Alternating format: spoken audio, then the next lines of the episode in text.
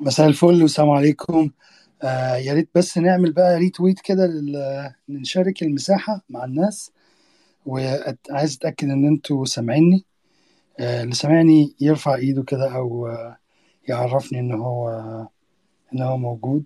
سامع المساحة دي مهمة جدا وعايزين كل الناس اللي, اللي قرروا إن هم ينضموا للمساحة يعرفوا إنها بدأت.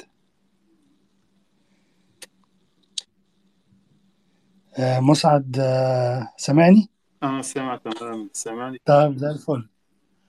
زي الفل. إحنا هنبدأ على طول عامة آه، يعني بعد أربع دقايق كده عشان ما نضيعش وقت عشان عارف إن أنت مشغول. فهنحاول بقدر الإمكان يعني إيه نغطي كل النقط اللي أنت عايز تتكلم فيها وبعد كده ناخد أسئلة من الناس إن شاء الله. وأتمنى إن المساحة تفيدهم. هي المساحة هتتسجل هي بتتسجل دلوقتي وكمان آه، بعد يومين أو ثلاثة هتبقى متاحة على البودكاست ومتاحة متاحة على يوتيوب. بس طبعا هي فرصة للناس اللي موجودين إن هم يبعتوا الأسئلة بتاعتهم أو ي... يسألونا دلوقتي. إحنا لما نبدأ هنبدأ بالأسئلة بتاعت الناس اللي هم علقوا على المساحة. بالظبط تمام. لأن إحنا وعدناهم إن هي هتبقى هيبقى في أولوية أولوية ليهم يعني. فأنا آه. هبدأ دلوقتي آه، أدور على كل ال- الأسئلة وأجمعها في مكان واحد عشان نقدر نجاوب عليها أول أول ما نبدأ على طول. تمام. آه، طيب هو ممكن آه، مسعد يعرفنا بنفسه. وهو اولا هو يعني حبيبي وأخويا وعايش في رومانيا. والراجل ده يعني واخد شهادات كتير جدا وعنده نتائج عالية جدا جدا مع العملاء بتوعه. وهو أصلا اللي ماسك ال plan بتاعتي دلوقتي. يعني هو ال personal trainer بتاعي فوق إن هو إن إحنا أصحاب. وطبعا يعني إيه معذبني وموريني ال- الويلات. وهيكلمكم تأكيد عن الموضوع ده النهارده يعني. آه وإن شاء الله تستفيدوا فاتفضل يا مسعد عرفنا عرف عرف الناس بيك.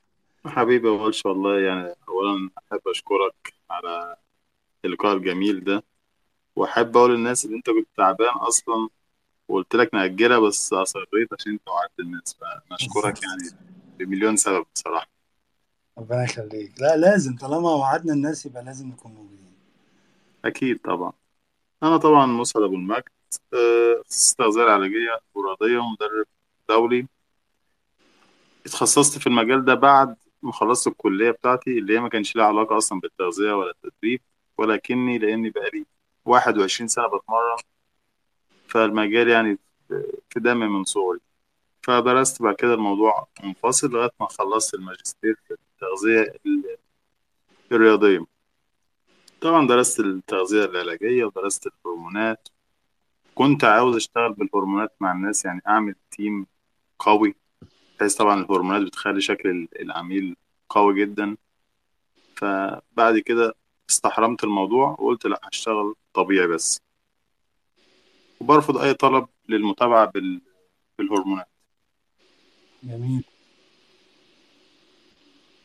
فأنا حاليا أنا شغال في المجال ده حوالي 8 سنين.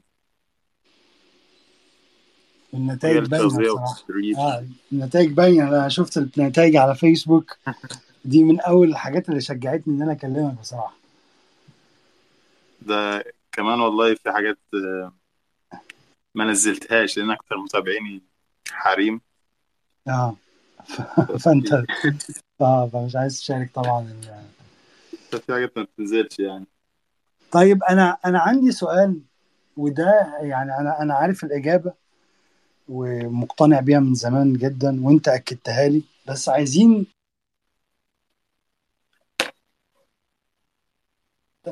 آه، عايزين من الآخر كده. الجيم اللي بيخسس ولا الأكل اللي بيخسس؟ الجيم ولا ال diet؟ لا ال diet. بالظبط. يعني دي الإجابة السريعة المختصرة ال diet هو المسؤول عن التخسيس أو زيادة الوزن. اللي بيحصل في الجيم هو مجرد حرق سعرات حرارية. السعرات الحرارية مش شرط إنها تكون دهون بس. آه. فالجسم بيكون مخزن الأكل أصلا في مخازن اسمها الجلايكوجين. دي بيبدأ يحرق منها الطاقة عشان تديله ال power بتاع التمرين أو أي عمل شاق عامة.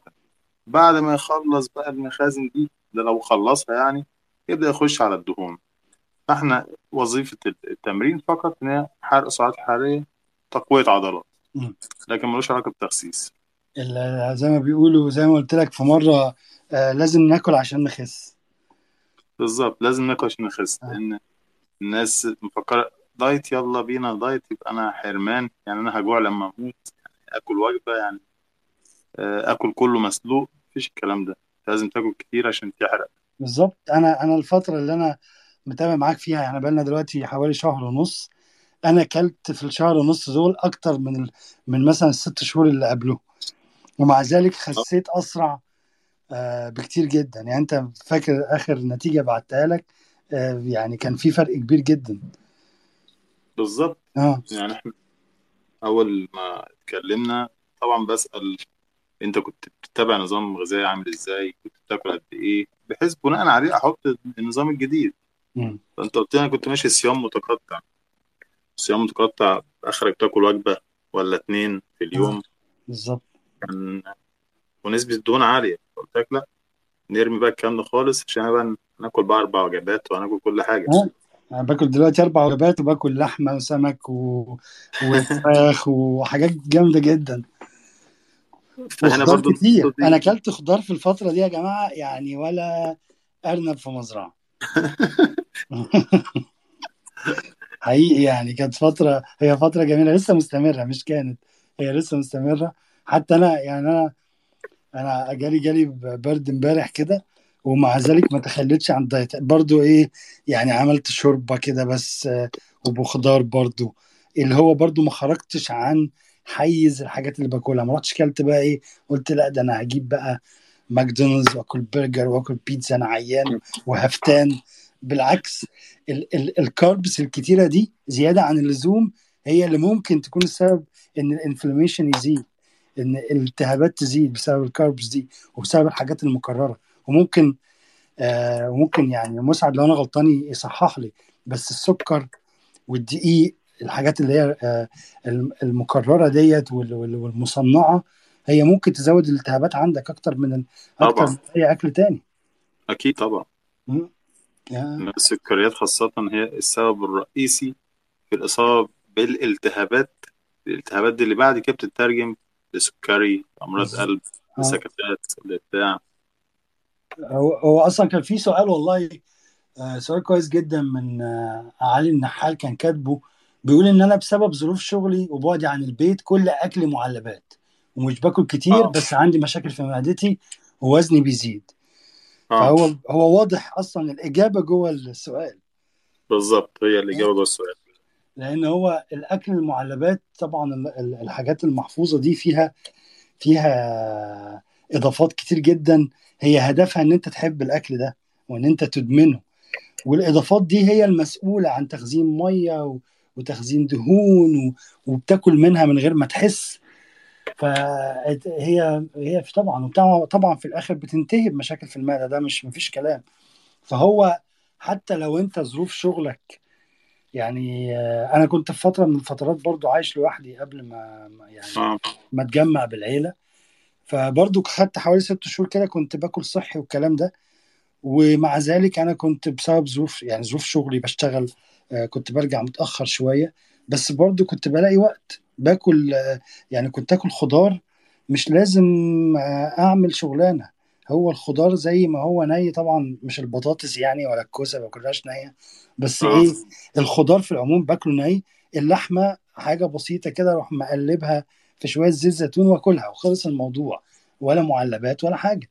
ما كنتش بعتمد على المعلبات خالص. فهو دايما وبرضو آه، مسعد يعني يضيف على النقطة دي دايما في حل مهما كانت الظروف. طبعا أكيد. هو يعني قابلت كتير ناس عملاء شغ- شغالين طول الوقت بره عندهم نفس المشكلة. أنا. شخصيا واحد من الناس برضه شغال بره مفيش حد فينا بيشتغل في البيت إلا مثلا لو كان شغله معايا. أنا دايما الحاجة اللي بعملها واللي بنصح بيها كل الناس اللي معايا ال lunch box جيب ال lunch box وتحط فيه الوجبات بتاعتك. هتقول اصلك الناس هتضحك عليا أصلك الناس هتتريق عليا. أنت إيه يا عم رايح المدرسة؟ أنت جاي الحضانة؟ ما تسيب اللي يتريق يتريق واللي اللي يتكلم يتكلم.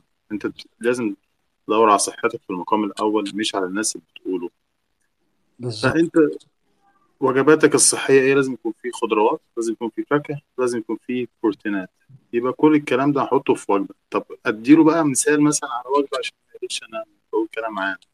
لو هنتكلم مثلا على لو بيض مسلوق مع طبق سلطة فيه خس وجرجير وخيار وطماطم مع شوية بصل لو حابب يعني أدي دي اسمها وجبه إيه صحية. حطها كده إيه على جنب في ال lunch box. أو فراخ مع رز مع شوية broccoli ولا شوية كرنبيط ولا شوية فاصوليا. دي برضو مثال لوجبة تانية. تحطهم في اللانش بوكس بتاعك وتاكلهم. الاعتماد على المعلبات فقط مش هيدمرك بس جهازك المناعي لا هيدمر الجهاز الهضمي والمناعي. واحدة واحدة هتلاقي مشاكل صحية أكبر منك. ما ينفعش. لازم ناخد الموضوع بجد ناخد أكلنا معانا.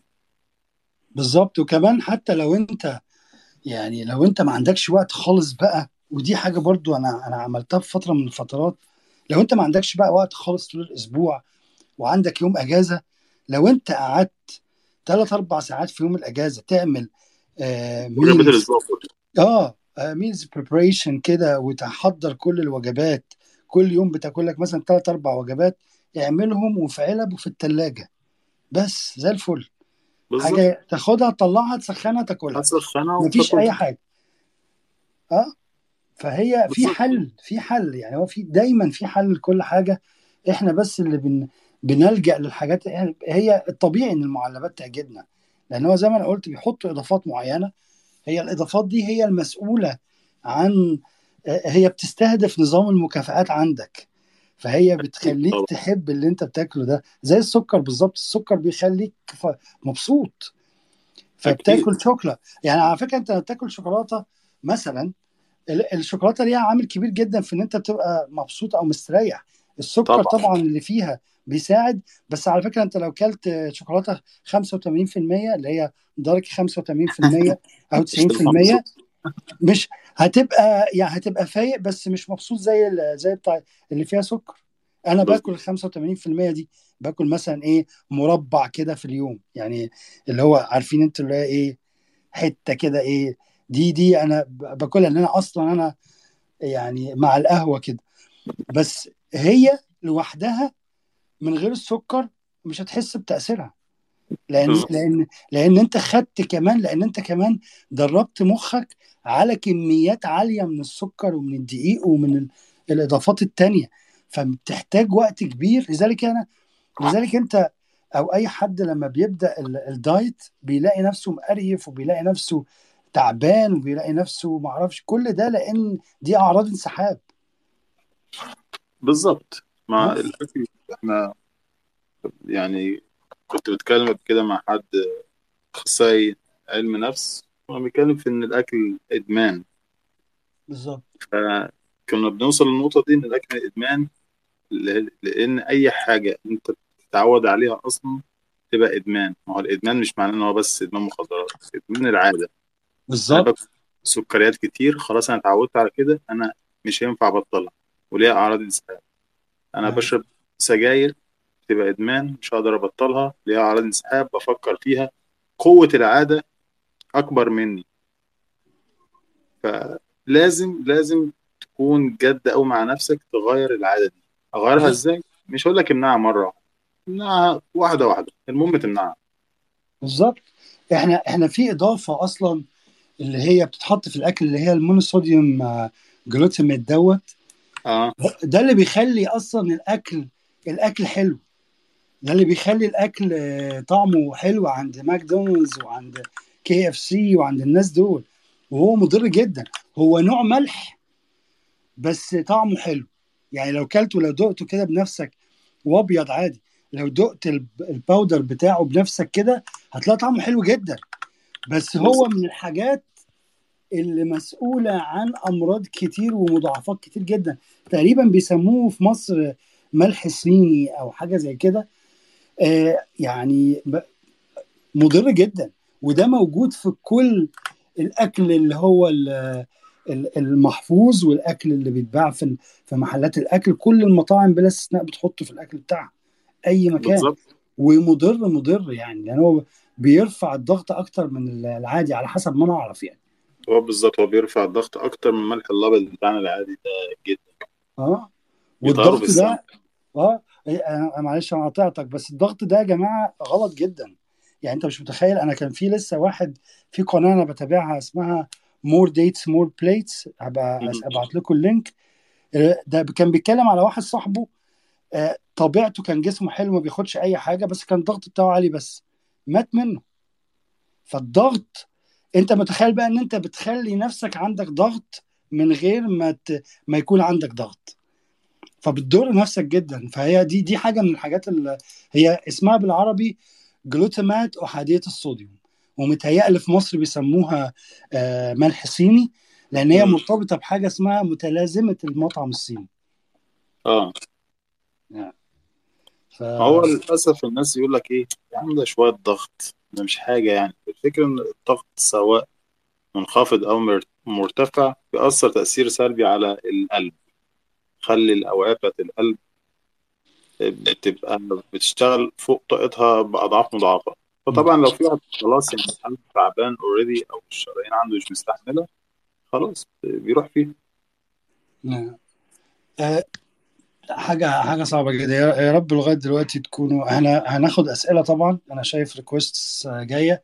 هناخد أسئلة بس آه إحنا بس بنعمل مقدمة ليكوا عشان نهدم شوية آه أساطير كده في موضوع الأكل والشرب لأن في ناس كتير متخيلة إن جوع نفسك عشان تخس أو أنت آه أنت ممكن تقول لهم يعني أنت مثلا بتاكل مسلوق بس؟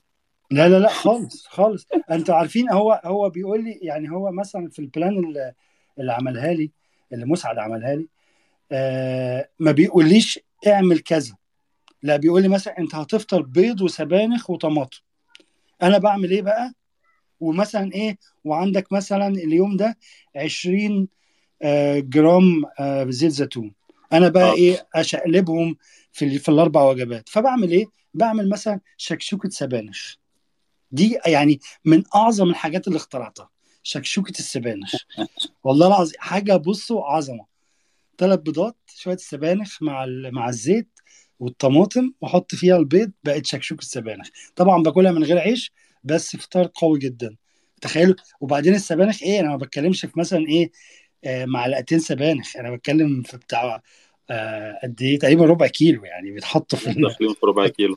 الطاسة. آه فانت يعني في كمية أكل. الفراخ مثلا بيقول لي أنت هتاكل فراخ وهتاكل معاهم رز. أنا بعمل بقى الكلام ده إزاي؟ هو يعني مثلا أنا أنا كنت في الأول دايما أسأله على كل حاجة. اسلق الفراخ وأحطها في الفرن وأشرب الشوربة يقول لي آه ينفع. طب أعمل كذا؟ يقول لي آه ينفع. طالما أنت في الحيز فأنت تمام. طالما أنت في الكمية اللي هي المفروض مناسبة لجسمك آه، آه، أو مناسبة لل- للي أنت عايز تحققه تبقى أنت تمام. أهم حاجة تبقى الكمية مناسبة أو ما تتعداش عدد ال calories بتاعت اليوم. بالظبط. وعلى فكرة لما تاكل أربع مرات وبرده في حاجة قبل ما أتكلم عن الحكاية دي آه، طول ما أنت حاسس إن أنت جعان في ال diet لأن أنت ممكن تكون بتاكل كتير في ال diet بس لما لما لما تحس إن أنت جعان يبقى كده ال diet شغال حتى لو بتاكل كتير. لأن كده آه معنى كده إن ال diet اللي أنت بتاكله أو العناصر اللي أنت بتاخدها من ال diet ده هي فعلا بتساعد في إن جسمك آه، جسمك اشتغل الميتابوليزم بتاعتك شغالة الحرق شغال. آه. ف... فهو ده مثال للأكل بتاعي مثلا. يعني, آه، يعني جيت أنا من كام يوم قلت له مثلا إيه أنا بحب الكبدة أبدلها بدل اللحمة. قال لي آه اعمل كذا كذا كذا وبدلها.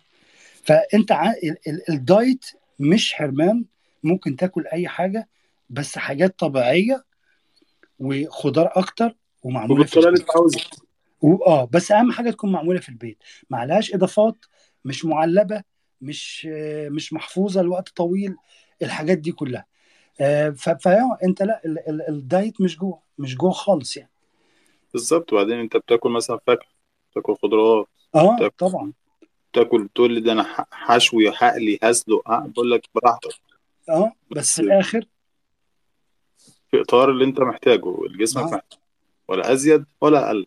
بالظبط. آه، فاحنا لأن مثلا آه. في ناس يقول لك لا لا ال- الدايت كله حرمان الدايت كله حرمان. أصل كده رحت للدكتور وكاتب لي زبادي أنا شفت أنظمة غذائيه اللي هو إيه زبادي طول اليوم. آه واليوم اللي بعده فاكهة بس. اليوم اللي آه. بعده خس عجب. بس. عجب حاجة الواحد بيشوف عجب. آه والله العظيم. وبعدين بقى الكيتو تحط زبدة على القهوة و... وحاجات إيه ده يا عم في إيه؟ ليه كده يا جماعة؟ وعيش بالطحينة وحاجات كده. سمعت أنت على الكلام ده؟ آه طبعا أنا أنا أكتر أنا في حلقة اضطريت أشيلها من على اليوتيوب لأن أنا من النوع زي ما قلت لك قبل كده ما بحبش حد يشتمني مثلا أو حد. لا بص انتقدني عادي انتقدني مفيش مشكلة. بس ما تشتمنيش يعني. فاهم؟ يعني عيب أو أهلي ما لهمش ذنب إنها تشتم بالأم وبالأب عشان خاطر الكيتو دايت بالظبط يعني أنا أقسم بالله يعني لو ده أنا لو بغلط في ديانة تانية ما كنتش شتمت كده مثلا. آه. كنت بعدين بتتكلم على الكيتو؟ آه كنت بتكلم عن أضرار الكيتو الأضرار اللي آه. المفروض تعرفها لأن الكيتو من... ليه أضرار مصيبة تموت. لا هم بتوع الكيتو على فكرة واخدينه ديانة يعني خلي بالك. يعني هم بتوع بتوع الكيتو بيعتبروا الكيتو ده ديانة ديانة الكيتو. بالظبط. الكيتو آه في حد بيضحك أهو. هو الكيتو حرفيا ممكن يؤدي للوفاة أنا مش بهزر. آه في بعض الحالات ممكن فعلا في نفس الوقت هو لبعض الحالات علاج.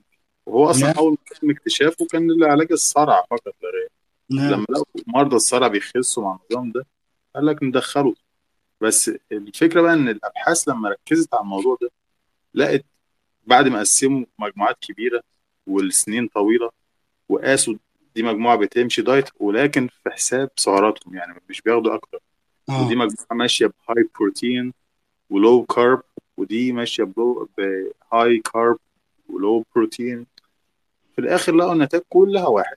مفيش أفضلية ولا الكيتو ولا الغيره. آه بالظبط. يا عم هو الدايت. دهون. الدايت أنا من رأ... هو الدايت كل صحي كل أقل. عايز تخس كل صحي وكل ما اللي أنت محتاجه في اليوم. لو عايز ت maintain لو عايز تستمر على الوزن بتاعك. عايز تخس كل أقل. بس. ده ال simple والله. إحنا ممكن يعني إيه ننسف كل الخرافات دي بحاجة واحدة لو الناس تفهمها. انت جسمك أصلا جسمك ده متركب من إيه؟ متركب من بروتينات وكربوهيدرات ودهون. ومت... إزاي بقى الجسم ده ان أنا امنع منه حاجة معينة أو عنصر مع عنصر ليه بنقول لازم تشرب مية طول السنة؟ ما انت عشان جسمك ثلاث ارباع مية. عشان بالظبط مخك بيتغذى من المية. مخك أصلا مكون معظمه من المية. عشان كده بقول لك اشرب مية. فانت اللي بتدخله من من بره ده هو هو اللي مكون جوه. الدم. ما هو الدم إيه؟ يعني هو الدم بالظبط. إيه؟ آه، بالنسبة للرجالة كمان شرب المية مفيد جدا جدا جدا للرجالة. يعني فوق ما تتخيلوا لأن أنت يعني آه، أنا مش عارف في بس عامة للرجالة شرب المية مفيد جدا. هو مفيد لكل الناس. بس كراجل لازم تشرب مية كتير. بالظبط. آه هيفيدك جدا في في حاجات كتير قوي. ف آه، يعني أنا مرة جربت الكيتو ده ضحكك وأنا في دبي. جربت الكيتو ده أسبوع حسيت إن الاستوديو كله بيزحلق. والله العظيم ما بهزر. والله العظيم ما بهزر يا عم. اللي هو إيه أحط إيدي على الترابيزة اللي بتزحلق. أحط إيدي على ما أعرفش إيه. إيه يا جدعان في إيه؟ إيه ده؟ إيه كمية الدهون اللي أنا عايش فيها دي؟ اللي هو إيه ده؟ هخس إزاي أنا كده؟ ده أنا عمال أحقن نفسي دهون في الوريد. ف- ما قدرتش استحمل بصراحة اللي هو كرهت الجبنة يعني قعدت لي شهر مثلا مش عايز أشوف جبنة في حياتي خالص. آه، كل حاجة كل حاجة يقول لك ما أعرفش أحط زبدة إيه اديله جبنة. الجبنة دي لازم تبقى ما أعرفش إيه. آه، آه. حط زبدة على القهوة حط اعمل عيش بطحينة. أنت متخيل عيش الطحينة؟ يعني تخيل أنت تاكل عيش طحينة؟ حاجة يعني آه، حاجة جميلة جدا بصراحة. فهو وبعدين آه في اتفضل حاجة تانية في الدايت. يعني أنا لما لما بقيت يعني أول ما بدأنا مع بعض ما قلتلكش آه خلاص أنت عاوز دايت هعمل لك سألتك الأول أنت عاوز تاكل إيه؟ ومش عاوز تاكل إيه.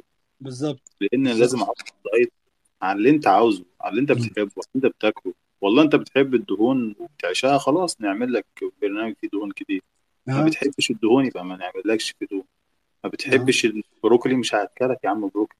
بس بشوف ناس يقول لك أنا ما بحبش الشوفان شوفوا لي يا جماعة طريقة. يا عم الشوفان إيه؟ خلاص ارمي في على جنب. بالظبط. مفيش شوفان أكل بتاع. معين هو اللي هيخسسك. مفيش أكل هيخسسك ولا أكل هيقويك ولا أكل هيبنيك عضلات. الحاجة اللي مش جاية معاك سكة بلاش. ما تمشيش ورا القطيع. ده بيقولوا اكل الشوفان بيخسس. ده بي... وأنا عاوز طريقة أحبه. يا عم الشوفان ده أكل البهايم أصلا أنت سيبك منه. وشوف حاجة عاوز تاكلها عدلة. يعني هو هو في الآخر آه يعني هو في في أكل والله في أكل يا جماعة أنا عايز أقول لكم بس إن في أكل معمول يعني هو هو كويس ما بنقولش إن هو وحش. بس البروباجندا اللي حواليه دي دي بروباجندا تجارية مليون في المية. بالظبط. الشركات دي مش هتبيع لك شوفان لو قالت لك الشوفان ده عادي زي أي أكل. أو مش هتبيع لك مثلا آه، ال- الجبنة اللي هي فيها calories قليلة لو قالت لك لو قالت لك الجبنة دي عادية زي أي جبنة. لا لازم تحط لك حاجة كده تقول لك لا الجبنة دي آه، بتاعت الكيتو. فكل الناس اللي تابعين لديانة الكيتو يروحوا يشتروا إيه؟ الجبنة الجبنة بتاعت الكيتو. يقول لك "it's ما أعرفش العصير ده فيه إيه؟ مع إن أصلا أكبر ضرر إن أنت تشرب عصير. أكبر ضرر بالظبط. إن أنت تشرب عصير. أنت بتضر نفسك فوق ما تتخيل. كأنك يعني أنت في ناس تقول لك إيه أنا بطلت بيبسي بس أنا بشرب عصير. غلط جدا. أنت أصلا العصير ده ضرره زي البيبسي اللي أنت بطلته بالظبط.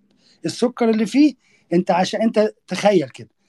أنت كل برتقانة وده مثال كنا بنتكلم فيه أنا أنا ومسعد من كام يوم. كل برتقانة بس وتعالى كده اعمل كوباية عصير. شوف هتاخد كام برتقانة. هتاكل البرتقانه هتشبع. وبعد كده روح اعمل بقى كوباية آه، عصير برتقال. عايز لك مثلا بتاع أربعة. والأربعة دول يعني أنت مش هيكفوك مش هيخلوك تحس بالشبع. وفي نفس الوقت علوا السكر بتاعك جدا. ف... فما استفدتش بحاجة. بالعكس أنت حطيت calories فوق ال calories اللي أنت أكلتها في اليوم. وتيجي بعد كده تقول لنفسك إيه؟ أنا ما بخسش. ما أنت بتخسش بسبب الممارسات دي. دي الممارسات اللي بتضر ال- الدايت بتاعك. بالظبط يعني انت بترمي الألياف اللي فيها اللي إحنا أصلا بناكل فاكهة عشان خاطرها. لأن الفاكهة يعني الألياف مش نوع واحد أنواع مختلفة. فالنوع الموجود في الفاكهة إحنا محتاجينه بشدة. فلذلك. أنا لازم آكلها؟ أنا شوية شوية ببقى هاكل بقشرها عشان القشر بالظبط بالظبط والله. هي لأن الألياف يا جماعة إيه أهمية الألياف؟ لل gut health ال health بتاعت ال- ال- البطن والمعدة والأمعاء والكلام ده هي كلها في الألياف وفي البكتيريا النافعه اللي أنت بت بت بتاخدها من أكل زي الزبادي مثلا. فتخيل أنت بتاكل زبادي كويس وبتاكل آه ألياف بقى جاية من الخضار وجاية من الفاكهة بتاكل سكر صحي جاي من الفاكهة. فأنت بت بتدي لجسمك اللي هو مخلوق يستهلكه. يعني اتخلق عشان يستهلك الحاجات دي ما يستهلكش السكر الأبيض. بعدين الالياف دي ليها وظيفة عظيمة جدا. الجهاز الهضمي كله بكل اللي فيه كده هي بتحسنه. أنت. لو جالك إمساك شديد أو إسهال شديد يبقى أول حاجة بنفكر فيها هو نقص الالياف مم. بتخلي المغذيات توصل كده الباشا لكل حتة في جسمك. من آه غيرها بقى صعوبة في الهضم. صعوبة لما بتيجي تخش الحمام بالظبط. هو كمان كان في دكتور قال لي قال لي إن البكتيريا النافعة بتتغذى على الألياف دي. فأنت بت... بتعلي ال... ال- العدد بتاعها لكل ما تديها ألياف. وأنت عارف إن ال- ال- البكتيريا الامعاء لو مرضت أنت هتمرض. لو بالظبط. صحتك كويسة أنت آه. صحتك كويسة. بالظبط بالظبط. لو أنت لو عايش جوه. كائن لازم تهتم بيه. تخيل أنت بتربي حيوان جوه جسمك. حاجة زي الفل. بلاش آه. تتخيلوا الموضوع ده يا جماعة. كائن جوه جسمك لازم تاخد بالك منه لأن أنت لو ما أكلتوش كويس هيضايقك. هيزعلك. آه هيزعلك جامد. طب في عندنا سؤال آه ما هي البدائل الصحية والاقتصادية غير المكلفة للخبز الأبيض الدقيق أو الطحين بشكل عام؟ والله يعني ال- القصة دي برضو من ضمن الحاجات اللي مبالغ فيها شويتين ثلاثة. انت لو لو حاسب الخبز الأبيض ده من ضمن سعراتك الحرارية أو من ضمن جسمك محتاجه على مدار اليوم مش هيبقى فيه أي ضرر منه. هي منظمة كاملة. اوعى. تفكر انت تروح تجيب أغلى خبز في العالم على إن هو صحي وأنت مبوظ أكلك كله ومفكر إنت كده هتمشي صح. بالظبط. إنت لو عندك العربية بتاعتك موتورها خربان هتروح تغير زيت؟ هيعمل لك إيه؟ ولا هتروح تغسلها في المغسلة؟ هي- هيعمل لها إيه؟ آه. الموتور نفسه لازم يتصلح عشان تمشي. هي نفس القصة. كل خبز ابيض يا عم واحسبه هي آه. إحنا إحنا الرسالة الأصلية اللي عاوز أوصلها للناس إن هم يتعلموا يحسبوا ياكلوا إزاي بياكلوا قد إيه ما يرموش أكل يجيبوا اللي على قدهم. لو وصلوا المرحله دي هيلاقوا نفسهم بيحوشوا فلوس وبيجيبوا أغلى حاجة. يعني كان في واحد بيقول لي يا عم الأكل غالي. قلت له والله لو هتقسمه ونحسبه على جسمك هتلاقي ولا الهوا. يعني أنا مش عاوز في مثال كده ضربته لواحد صاحبي كان بيشرب سجاير. ما هو مش مش, مش مثال حلو بس هيمشي في الموضوع ده. واحد مثلا بيشرب يوميا علبة كليوباترا ب 20 جنيه عشان ما حدش بس يمسك لي في الأسئلة عشان الناس بتمسك في حاجات غريبة في الأسعار. ب 20 جنيه. مش لا أنا ما. أعرفش بكام بصراحة. أنا هو في. رومانيا و... وإحنا الاثنين مش في مصر فما نعرفش الأسعار يا جماعة. أنت بتشرب يوميا علبة سجاير كليوباترا أعفن نوع ب 20 جنيه. فانت بتصرف في الشهر 600 جنيه. واحد تاني باشا ابن باشا كده باشا في تفكيره بيشرب علبه ب 100 جنيه في ال- اللي هي إيه بس ما بيشربهاش في اليوم بيشرب بس سيجارتين في اليوم.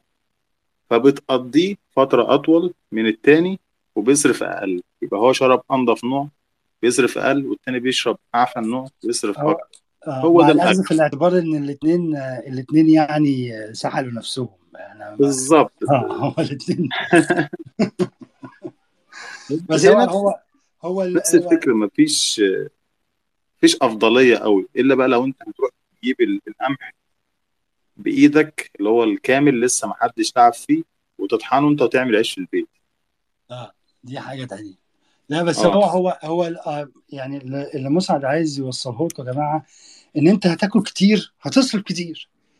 هت هت هتظبط أكلك وتوزعه مظبوط وتاكل كميات أقل عشان صحتك في الأول والآخر مش عشان الفلوس بس هتلاقي نفسك بتصرف أقل يعني أنا وبتاكل أحلى آه وبتاكل أحلى بتاكل أحلى بكتير بدل ما تلاقي نفسك بتاكل كلام فاضي وعايش على على سندوتشات الكبدة بتاعت على على بركة الله اللي في رمسيس تروح تاكل لك 30 40 سندوتش ب 3 جنيه على أيام يعني الكلام ده مش عارف دلوقتي بكام. وتقول أنا أكلت ده مش أكل انت لو جبت لنفسك ب 3 جنيه خضار آه، حتى لو جرجير بس يا أخي انت كده استفدت أكتر من ال... من ال 75 سندوتش اللي انت اكلتهم انت عارف ف... انت لو جبت ربطة جرجير بجنيه. وربطة آه، آه، فجل بجنيه ادي 2 جنيه وجبت ب 2 جنيه خاص ادي 4 جنيه مم. وحط له عم شوية أي لو لو بيضة واحدة عشان ما حدش يقول البيض غالي انت دي كده عملت دي وجبة قوية جدا يعني رهيبة هي الفكرة ما تركزوش قوي في قصة أفضل نوع في في الخبز؟ عشان دي فكرة فاشلة. الخبز كل واحد. وال- والفروق ما بينهم تكاد تكون منعدمة.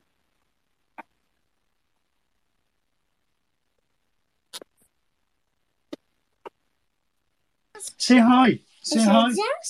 Say hi? أوكي What's the معلش يا جماعة ابني Yes? yes. Yes. Yes? yes. Say night night. Yes? يلا ناي ناي Yes? ناي ناي Night. Night, bye. ناي Night ناي night. Night night. معلش على على المداخلة السريعة دي. ده مدخل هو شوف لو عنده سؤال ولا بتاع برضه. أيوه. هو لاني لأني قاعد بقى وال- والكمبيوتر مفتوح والدنيا مفتوحة فقال لك إيه؟ لا أقعد أشوف الدنيا فيها إيه. فهو الأكل آه يعني أنا أنا لما بدأت الدايت أنا كنت بصرف أكتر آه قبل كده. لأن بقى إيه؟ كنت لا إيه هو إيه اللي اكل لي 200 جرام لحمة دي؟ لا أنا عايز آكل نص كيلو يا عم. فأقعد أضرب نص كيلو. آه فرخ الفرخة مثلا لا لا لا إيه ربع فرخة دي؟ أنا كل نص ولا كل فرخة في العشوة وخلص. ف... فبلاقي فطبعا أنا بزيد فاكر نفسي إن أنا باكل كويس كده أنا بزيد وبصرف أكتر. دلوقتي أنا باكل كويس وباكل أكل متوازن وفي نظام صحي ومع ذلك باكل أقل وبصرف أقل. فالنتيجة العليا أو ال greater good الحاجة اللي إحنا بندور عليها إن أنت يكون صحتك أفضل. تاني حاجة إن أنت تصرف أقل وهتبقى بالظبط. أحسن. ف فما ما تتخيلوش إن الدايت كمان مني الثقة من واحد درس التغذية لما زهق منها لا توجد فروقات كبيرة في أنواع الخبز. آه أبيض بالظبط. أحمر أسود برتقاني بنفسجي كل واحد. هو هو هو بس إيه يعني أنا مثلا دلوقتي أنا ما باكلش عيش خالص والهدف من ده إن أنا زي ما قلت في الأول بظبط نظام المكافآت عندي وبظبط نظام اعتماد جسمي على حاجات حاجات كنت أنا باكلها كتير زي السكر وزي الدقيق والكلام ده. بس بتيجي في مرحلة في الدايت يعني أنا على فكرة مسعد في أول يوم قال لي خلي بالك هنيجي في مرحلة من المراحل هتيجي تقول لي كده أنا عايز آكل كذا وأقول لك كله. حتى لو الأكل ده أنت شايف إن هو مش صحي أو بالظبط. شايف إن هو مثلا إيه آه، زي مثلا العيش يعني مثال العيش مش مثال العيش مثلا. اللي هو مثلا إيه لا أنا عايز آكل عيش. طب كل عيش بس هتاكل مثلا كذا. اليوم. آه بالظبط. آه لسه موجود جوه الدايت بس إحنا في المرحلة دي مرحلة التأسيس ومرحلة ال- اللي هو بعدي ال ال الأعراض الانسحاب بتاعت الحاجات دي آه، دي مهمة جدا في الأول. بعد كده بتقدر بعد مثلا ثلاث شهور من الدايت ولا حاجة تبدأ تدخل العيش تاني في في حياتك عادي جدا بس بقدر معين مناسب للهدف اللي أنت عايز تعمله. بالظبط فما تروحش تشتري عيش غالي عشان صحي وتهمل بقية اليوم أو تعك بقية اليوم. عامل شبه واحد يعك يعك يعك ولو شرب إزازة بيبسي مثلا يقول لك البيبسي قلب لي بطن. يا راجل هو اللي قلب لك بطن. أو يقول لك إيه أو تلاقي واحد مثلا طالب بتاع بتاع خمسة شاورما وما أعرفش كام وجايب بيبسي دايت. يا راجل أنت بقى آه. يا راجل عيب بقى يا عم في إيه؟ مش كده خالص يعني. آه، في سؤال آه، معانا آه، من آه، أبو محمد فبيقول هل الاشخاص في كمال الأجسام اللي بيلعبوا كمال اجسام يعني وغيرها بعد ما بيوقفوا ال steroids آه، وبيعملوا اللي هي كورس التنظيف دوت. الهرمونات بتاعتهم بترجع طبيعية بعد كده بكل اختصار لا ولا آه. جسمه كله بيرجع طبيعي بعد كده آه. اللي. بيحصل أصلا بتحصل تضخم في الأعضاء الداخلية زي مثلا عضلة القلب. القلب بيكبر. القلب. لما بيكبر بيضعف. يعني أنت متخيل إن القلب ده كبر يبقى حلو أهو. لا القلب طالما كبر بيضعف. الكلى وال... وال... والكلية والحاجات دي بتتعب. فاستحالة يرجعوا زي الأول. عامل شبه بالونة نفختها وفرقعت اتقطعت لحمتها نفختها تاني فرقعت بقت مليانة. لحمات بالظبط. طيب هو إحنا عايزين نفرق بقى بمناسبة الاسترويدز عشان في معتقد خاطئ. وناس كتير قوي أكيد من اللي بي- بيسمعوا أو هيسمعوا مصدقين فيه إن ال steroids زي المكملات. لا لا خالص. بالظبط. مكملات. مكملات حاجة وال steroids حاجة. ال steroids اللي هي بديك هرمونات بناءة العضلات فوق اللي جسمك محتاجها أو اللي هو بيبنيها أصلا طبيعي بأضعاف مضاعفة. فواحدة واحدة بيبدأ الجسم طبيعي من جوه يقف إنتاجه لأن هو مش مستحمل الحاجات اللي داخلة كتير قوي دي عليه. فبيقف إنتاجه. فالدنيا بتبوظ. لكن المكملات هي حاجات يعني أنا مثلا البيضة بدل ما بديلك بيضة بطحنها بطريقة معينة وبديلك بودرة بحيث تشربها في كوبايه مية لو أنت مش قادر تاكل. بالظبط. زي بالظبط زي البروتين. بالظبط. يعني البروتين البروتين اللي إحنا بنجيبه دوت أو مثلا الكرياتين. الكرياتين الخم... الخمسة اللي هو الخمسة جرام دول أنت محتاج بتاع كيلو لحمة عشان تاخد محتاج كيلو لحمة عشان تدخله في جسمك بالظبط. آه لكن الكرياتين نفسه يعني مش مضر خالص و... و... و... ومكمل آمن جدا و... ومفيد للجسم كمان.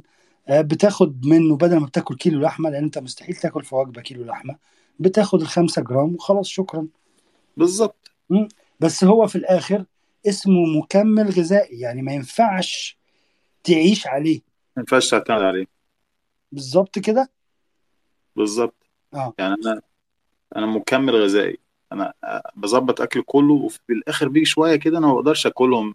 يومي مش مش جايبه فباخدهم كمكمل. خلاص مفيش مشكلة. يعني. لكن أنا آخد ثلاث وجبات مثلا مكمل ف. آه طبعا. ده مضر أصلا هيبقى مضر الجسم وهيبوظ حاجات كتير قوي في ال... في الأمعاء وفي شغل الهضم والكلام ده. يعني إحنا بنتكلم في إيه؟ في فترة من الفترات في الدايت أنت مثلا عايز تبدأ تزود الحجم العضلي فأنت عايز بروتين أعلى. بس عشان تاكل البروتين الاعلى ده عايز تاكل كميات كبيرة جدا فهتأثر على ال calories اللي أنت المفروض تاخدها. فبتاخد البروتين عشان يعوض لك شوية البرو... شوية البروتين اللي انت مش هتاكلهم من الفراخ. يعني بالظبط. آه، صح كده؟ بالظبط. يعني واحد هيقدر ياكل أصلا لو هديله إن شاء الله فخده ضاني ياكلها لوحده وهياكلها خلاص تمام مفيش مشكلة. لكن في واحد خلاص هو أنا لا أنا مش قادر فعلا يعني. آه. آه، بطني بتتنفخ يا عم حرام عليك. آه، بالظبط. ما تقدرش. آه. ما تقدرش. ما تقدرش. يعني أنت مثلا أول ما بدأنا دايت كنت انت جايب واي بروتين مع... كنت أقول لك حاجة أقسم بالله كله بيعملها معايا. ألاقيه. جاي لي مع علبة البروتين في إيده. ما أنا على فكرة أنا قافله أنا قافله وشايله قلت لما تيجي المرحلة بتاعته خلاص نبدأ فيه. لكن غير كده أنا مش هبدأ فيه خالص دلوقتي. وفعلا وقفته تماما. لا الفكرة ان إن فعلا الموضوع ده بيتكرر معايا كتير. كل اللي آه. بيجي يجي في إيده علبة البروتين بتاعه. أقول له يا عم لسه مش دلوقتي. أنا مش هحسبه لك أصلا. أنا بحسبك هتقول لي عليه عشان جبته مسبقا أقول له لا.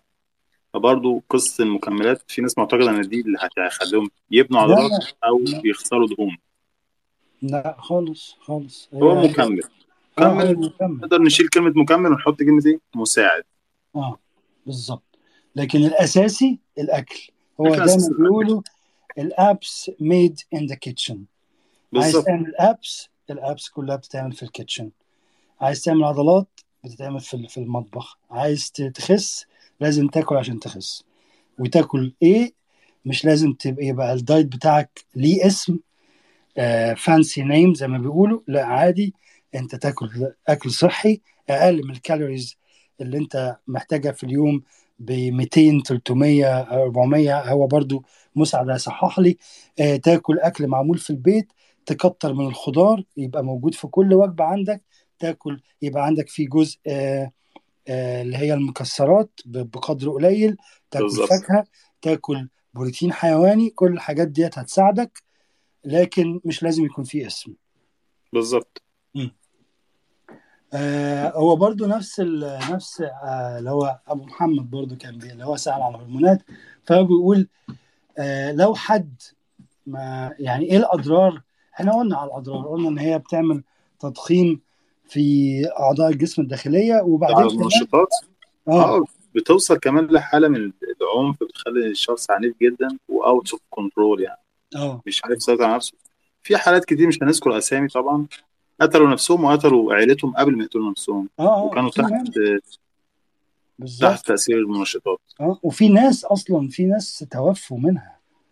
ده كل سنة كل سنة في كل سنة في حد لازم يكون من ال- من هم المحترفين دي دي نقطه بالظبط بالظبط. و- يعني عليل آه. يعني دكاترة يعني. ده غير إنها برضو وبرضو الكلام تاني للرجالة هي بتأثر بشكل كبير قوي على ال ال ال التستكلز اللي هي آه بتعمل انكماش. بت بت بت بت بتعمل فيهم انكماش و ومشاكل كبيرة جدا. الانكماش بتأثر على إنتاج الحيوانات المنويه بتأثر في بعضهم آه بالظبط.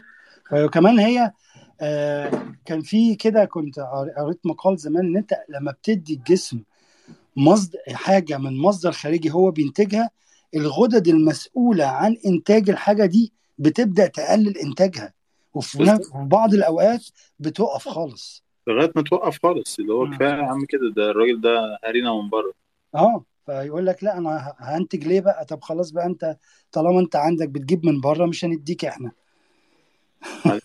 جسمك ده يعني سبحان الله هو ربنا حاطط له قدرات معينة وحدود معينة ومديك جينات آخرها بيبقى معروف يعني. أي حاجة بتخرج عن السيطرة وبتزيد عن حدها تبقى مضر جدا. زي مثلا لسه شايف فيديو بنت ربنا يعافي عنها مصابة بأنها بت- بتضحك باستمرار. في أحلى من الضحك مفيش بس هي لا لا ما هو فيلم الجوكر كان كان كان بتضحك بتضحك بتضحك. دي مرض نادر بسبب خلل. تقول لك. أنا ما بنامش غير لما بيغمى عليا. آه. أي آه. حاجة بتبقى خارج بالظبط. أي حاجة بتتغير بتعمل مشاكل. آه عندنا سؤال في ده سؤال طبعا ده ده ده جاي لي أنا بقى. بس هو آه طبعا أنت اللي هتجاوب عليه عشان أنت المتخصص هو بيقول آه، روح بتقول آه، هو مش عارف هو لا هو اسمه رضوان لا مؤاخذة معلش. آه. هو بيقول لو لو لو لا هو روح فعلا لا روح. طب ده السؤال آه، لو عايز أعمل تضخيم ينفع آه. ألعب في البيت لو متوفر دمبل مثلا وحزام مقاومة؟ وإيه أهم أكل أخد واخ- أخد منه أكتر سعرات؟ أنا بقى يعني أنا أنا بحب أشرح وهو هيجاوب السؤال ده بعد ما أنا أشرح. هي هي على فكرة. هي بتقول أنا عايز أعمل تضخيم. أو هي. آه. نشرح عشان الناس هي اللي هتجاوب بعد ما أشرح. آه. إحنا العضلات ليه بتكبر أصلا؟ اللي بيحصل لما إحنا بنتمرن إن إحنا الألياف العضلية ما بتستحملش بتتقطع لأنها ما كانتش متعودة على الحمل ده. فلكن الجسم كطبيعة ك... كآلة في منتهى الذكاء بتبدأ تعالج نفسها. فيبدأ يطلع ألياف أقوى. عشان يقول لك المرة الجاية لما يتمرن بنفس الشدة دي أنا هكون صحيله فمش هيقدر يقطعني. آه. فأنت بتقوم حاطط حمل أكبر من الحمل المرة اللي فاتت فبتتقطع تاني ويطلع أقوى وأقوى. الأقوى دي يعني أكبر. عاملة شبه مم. الكاوتش العربية. في كاوتش مم. 15 في 16 في 18 أيوه. بتفرق. فهي دي الفكرة. أنت عاوز تضخيم تتمرن باستمرار وتزود في الحمل التدريبي تزود في الحمل التدريبي تزود في... طبعا بالعقل يعني يكون التمرين كله محسوب مش بالظبط. بس هي دي الفكرة. التضخيم يلزمه تمرين بشدة عالية في كل س... يعني إيه؟ قول كل شهر نعلي الشدة مش نعلي كل يوم ولا بتاع. بالإضافة إن أنا آخد بقى من الأكل اللي قلنا عليه اللي جسمي محتاجه وأكتر بقى. الأكتر ده اللي هيترجم امم بالظبط. طيب هو في سؤال بقى أنا من عندي. آه آه. التكرارات ولا الوزن؟ هو التكرارات ولا الوزن؟ كل حاجة ليها الدور بتاعها. أنا مثلا عندي ال... أنا عندي نوعين من الألياف العضلية. امم في نوع بتاع التحمل وفي نوع بتاع القوة والحجم. إيه التحمل ده؟ عارف أنت لما أقول لك خد الدمبل الكيلو ده؟ ورفرف لي بيه كده إيه 200 عدة. تلاقي نفسك لو 200 عدة ده كيلو يا عم.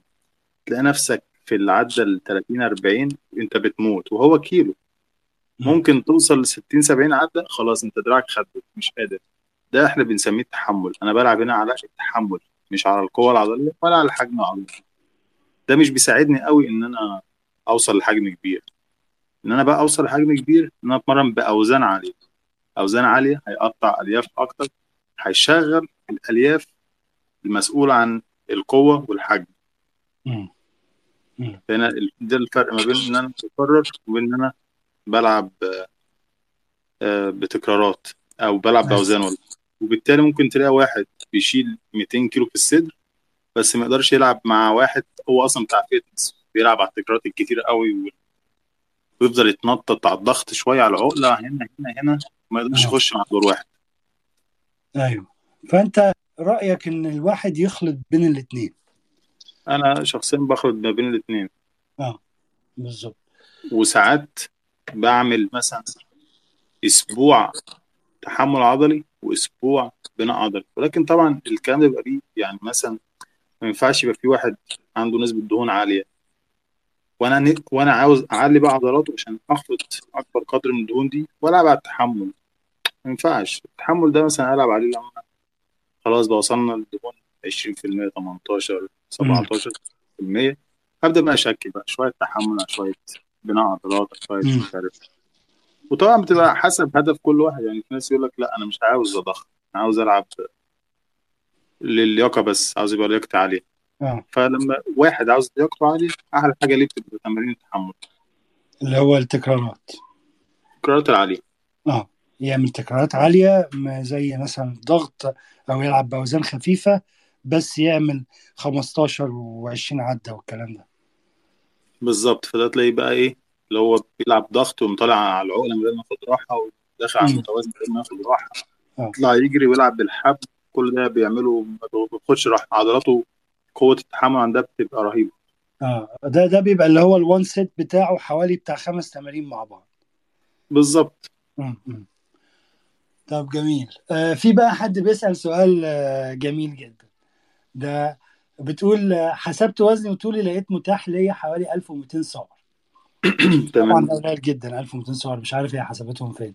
بس عامة لازم تمام. اكل صحي ولازم منه. بس كده اتحرمت من حاجات كتير بحبها. ولو كلتها مش هعرف آكل حاجة تانية طول اليوم. زي اندومي وشيبسي ومحشي. وبطاطس وهكذا. وده من أكبر الأسباب اللي بتخليني ما أكملش الدايت. فايه الحل؟ ينفع اكلهم مرة في الأسبوع مثلا؟ إحنا ينفع ناكلهم كل يوم بس الفكرة إن أنا إيه؟ أنا عندي المحشي ما هو المحشي معمول من إيه؟ ورق عنب أو خس خضار. وحاجه صحية جدا رز وصحي جدا وفي ناس بتضيف عليه لحوم حاجة ممتازة جدا. فهتبقى الفكرة في إن الكمية هي يبقى هنا الفكرة وصلنا للكمية بتاعته. إن أنا هحسب كميتي محتاج منها قد إيه فأنا ساعتها أقدر آكل محشي مفيش مشكلة. البطاطس برضو طبعا صحية 100% بس ما نقلهاش في كيلو زيت ونقول صحيه آه. لكن بقى إن أنا هاكل بقى شيبسي والله ممكن أكله بس احسبه بس الفكرة إن أنا أنا كده بتدلع يعني إيه؟ بدلع نفسي. يعني أنا هتحرم من الشيبسي. يعني إيه شيبسي؟ ما إحنا نشوف صحتنا الأولى والأهم. آه. وبعدين زي ما قلنا في الأول الشيبسي والحاجات دي فيها إضافات مضرة جدا. هي الموضوع مش بس موضوع دايت لكن هي بتعمل إيه للأعضاء الداخلية للجسم كمان؟ بالظبط. يعني أنا أنا عمري ما اتكلمت مع حد إن إحنا هنخس. ما الخس مش ده الهدف. الهدف صحتنا تكون كويسة. إن شاء الله نزيد حتى. إن شاء الله كرشي يدلدل في الأرض بس صحتي بقت زي الفل. آه هو الهدف في الآخر الصحة فعلا. هو طبعا الصحه يا جماعة. صح صحتي كويسة. عايز يوصل لكم الفكرة يعني. أنا آكل شيبسي يبقى أنا كده بتدلع. آه. بدخل سعرات فارغة. سعرات ملهاش لازمة. آه لأن السع- السعرات دي آه بالظبط زي ما مسعد وصفها السعرات بتاعت الشيبس دي فارغة. يعني مش هتفيدك بأي حاجة خالص. اللي هي يعني آه يعني كيس كيس شيبسي فيه مثلا 200 سعر حراري مثلا. ال مم. 200 سعر حراري أنا أقدر آكل فيهم طبق خضرة قد كده سلطة مليان فيتامينات ومعادن ومعاه قطعه بروتين بالظبط. شفت فرق جامد جدا فرق جامد جدا بين إن أنت تاكل أكل غير صحي وإن أنت تاكل أكل صحي. وبعدين لو هي 1200 سعر حراري لو قسمتهم على الأكل الصحي وحطت خضروات كتير هتاكل لدرجة إنها مش هتقدر تكمل أكل طول اليوم وفي في ال 1200 دول. آه. لكن بقى هنهزر بقى شيبسي وما شيبسي وإندومي كليهم عادي بس احسبيهم. وساعتها فعلا هتتحرمي بقى من الأكل. بالظبط. أنا والله يا جماعة وعن تجربة أنا أنا يعني إيه كنت أكيل جامد جدا جدا جدا. يعني أنا بقول لكم زي ما قلت في الأول كده فرخة دي كلام فاضي. يعني فرخة دي اقعد اكلها كده وأنا إيه بتفرج قدام التلفزيون. لما بدأت الشهر ونص دول بعد شهر ونص دول أنا باكل ربع الفرخة مع البتاع وأقول الحمد لله أنا فعلا يعني حاسس إن أنا شبعان شبعان فعلا. وحاسس إن أنا بطني منفوخة كمان. فهو الموضوع كله تعود. انت بس تعود على ان انت معدتك والامعاء بتاخد اكل صحي بكميات مظبوطة اللي هو مخلوق عشان يستوعبها. مع الوقت هتلاقي نفسك بتستوعب الطبيعي عادي. تاكل ربع الفرخة تبقى زي الفل. تاكل حتتين لحمة خلاص الدنيا ال- الحياة اتقضت ومش محتاج أكتر من كده. لكن كل ما تديها هتديها فرخة النهارده بكرة عايز فرخة ونص بعده عايز أكتر. فانت عمال توسع في المعدة وتشدها وهي هتشد معاك ما هي كل الكلام اللي جوه ده أساتك فبيشد. لكن لما فعلا آه. كل الناس اللي بتمشي على الفترة يعني على الدايت اللي هم حابينه أو الأكل اللي عاوزينه في فترة بت- بتاعت الثلاث شهور بعد كده بيقولوا لي إحنا بنقرف بعد كده لو هناكل حاجة نفسنا فيها مش صحية. بنيجي نقبل عليها بنحس في حاجة غريبة بقت هي اللي غريبة. ب- أنا أنا بصوا أنا عندي طفلين في البيت هنا. طبعا أنتوا متخيلين بقى إيه المسخرة اللي حواليا يعني شوكولاتات بقى وشيبسات وبص كل حتة. العيال أصلا بتيجي تاكل في وشي. ومع ذلك أنا ما بقتش يعني غاوي الموضوع قوي يعني أنا ببقى أنا كنت كان كان ال- الدوريتوس دوت أنا باكله آه، طول النهار كده العلبة اللي هي الكيس الكبير ده بقعد أكله كده وأنا في قاعدة. دلوقتي ولا تقريبا من أول الدايت كلت شيبساية واحدة عشان بنتي كل شوية تقول لي هو أنت ما بتاكلش الحاجات دي ليه تاني؟ هو أنت ما بتعملش إيه؟ فعشان ما كلت واحدة في شهر ونص بالظبط واحدة شيبس واحد من الدوريتوس واصلا لما اكلتها يعني إيه آه، يعني مش اللي هو زي زمان لما كنت آكلها ابقى عايز آكل باقي الكيس لا عادي الموضوع ما بقاش زي الأول. فهو أنت الحكاية كلها في الأول طبعا أنت بتعود جسمك وفي نفس الوقت الموضوع نفسي جدا جدا جدا فوق متخيله آه أنت عايز زي المثال ده عايز محشي وعايز بتاع وعايز كذا وعايز كذا. بس أنت كله عادي. بس كله بكميات معقولة تساهم في إن أنت تخسر وزنك. ممكن تاكله عادي تاكل فراخ و... آه، وفي نفس الوقت تبعد عن الحاجات اللي زي ما مسعد قال عليها سعرات فارغة ملهاش أي لازمة. بدل ما تاكل شيبسي مع آه، فراخ ال- الحاجة عاملاها ولا انت عاملها؟ كل طبق سلطة معاها. هتلاقي بالظبط. وجبة كبيرة جدا وملا واتمليت منها وهتفضل يعني هتكمل لغاية الوجبة التانية اللي هي مثلا بعد أربع ساعات وأنت زي الفل. ده اللي بنقصده يعني إحنا لازم يكون في شوية برضو جدية مع النفس. مم. يعني إحنا مش بتاعنا ان إحنا بنقول من الصبح دايت مش حرمان وناكل اللي إحنا عاوزه. مع ان أنا بقى اخرب بقى وأروح أجيب جاتو واكل شيبسي واكل مش عارف إيه واشرب ده واشرب ده. أنا كده بتدلع وبهزر.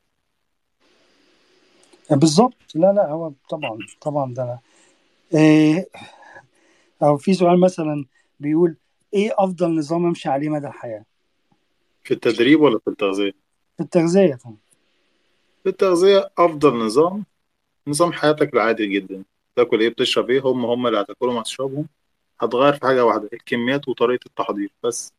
آه بالظبط. ده دي دي الإجابة النموذجية بصراحة على الموضوع ده.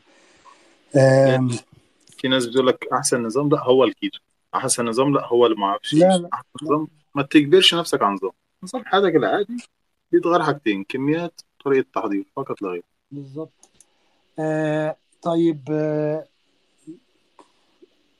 إيه ال آه طب عايزين نتكلم على حاجة بسرعة قبل ما ناخد الأسئلة من الناس ال expectations التوقعات. يعني الناس. بتبقى ال- ال diet اللي هو في دماغه إيه أنا يعني أنا هنزل مثلا في أسبوع أنا هنزل في شهر أنا هنزل في ثلاث آه. شهور.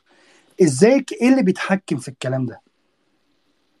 إيه اللي بيتحكم في التوقعات بتاعتنا؟ يعني أنت شايف آه إيه مش الأكل لوحده بس هل هل مثلا النوم بيتحكم؟ هل ال ال القهوة بتتحكم؟ هل ال إيه اللي بيتحكم في الكلام ده؟ وإيه التوقع؟ أنا آه. آه معلش اقطعك في آخر مقاطعة. آه وإيه وإيه التوقع الواقعي؟ إيه الاكسبكتيشنز الواقعية اللي هي آه يعني مثلا في ناس تقول لك أنا عايز أخس في أسبوع. طبعا ده كلام مش واقعي. بس إيه الواقعي بقى؟ هو إحنا كبني آدمين عادي نفسنا لما نعمل حاجة ننجح دلوقتي.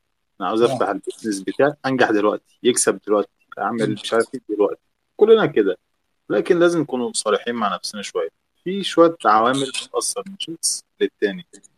أنا ممكن يجيلي شخصين والاتنين بيتابعوا معايا أنا نفس الشخص أهو وأنا اللي عامل لهم الدايت بتاعهم. بس واحد في ثلاث شهور خس مثلا 10 كيلو والتاني خس 20 كيلو.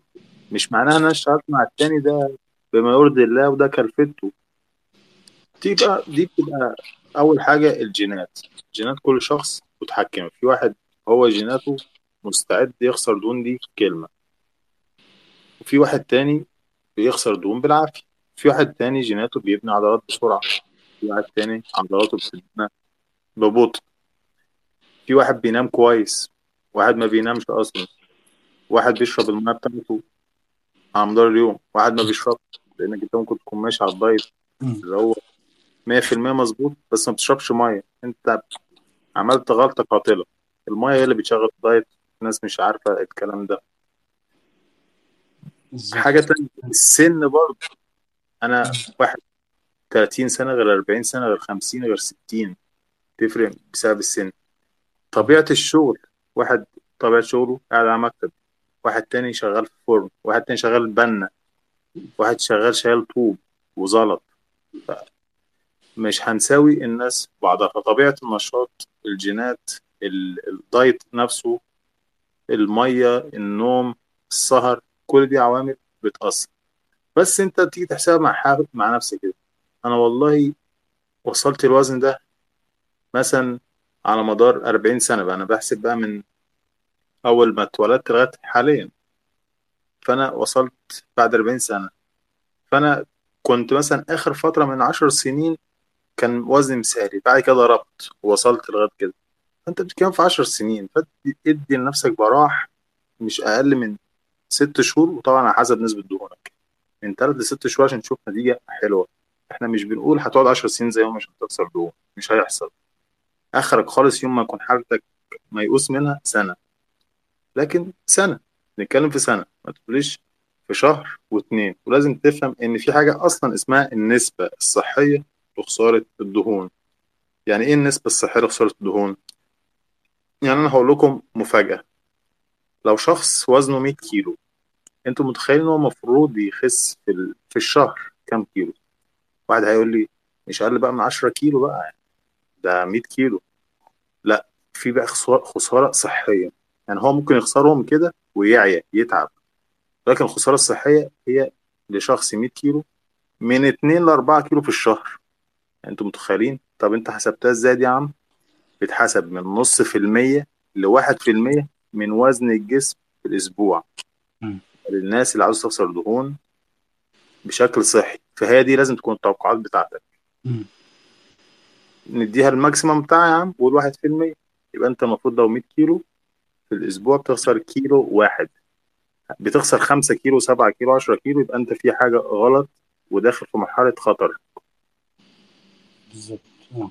وبعدين في حاجة برضو قبل ما نبدأ ناخد أسئلة الناس دي آخر حاجة أنا أنا آسف يا جماعة والله بس مش عايزكم برضو تجروا ورا الحاجات اللي بيتكلموا عنها بتوع ال- الطب اللي بديل أنا بسميه كده. اللي هو بقى إيه لازم تشرب خل تفاح على الريق وتقربع لك معرفش قد إيه ولازم تعمل ما- الكلام دوت ملوش أي 30 لازمة وما بينفعش في أي حاجة. خل التفاح ده خل عادي جدا ممكن تحطه على السلطة تاكله زي زي الخل العادي. مش هيفرق معاك مش هيعمل حاجة مش هيقلل كوليسترول ولا هيقلل سكر ولا هيعمل الكلام ده. الحاجات دي كلها كلام بيتباع عشان يبيعوا المنتج. هتلاقيه دايما يكلمك على الم... على حاجة ويقول لك إيه هات من ال link الموجود موجود في ال description دايما. هيعمل كده. لأن هو عايز يبيع ويكسب من العمولة.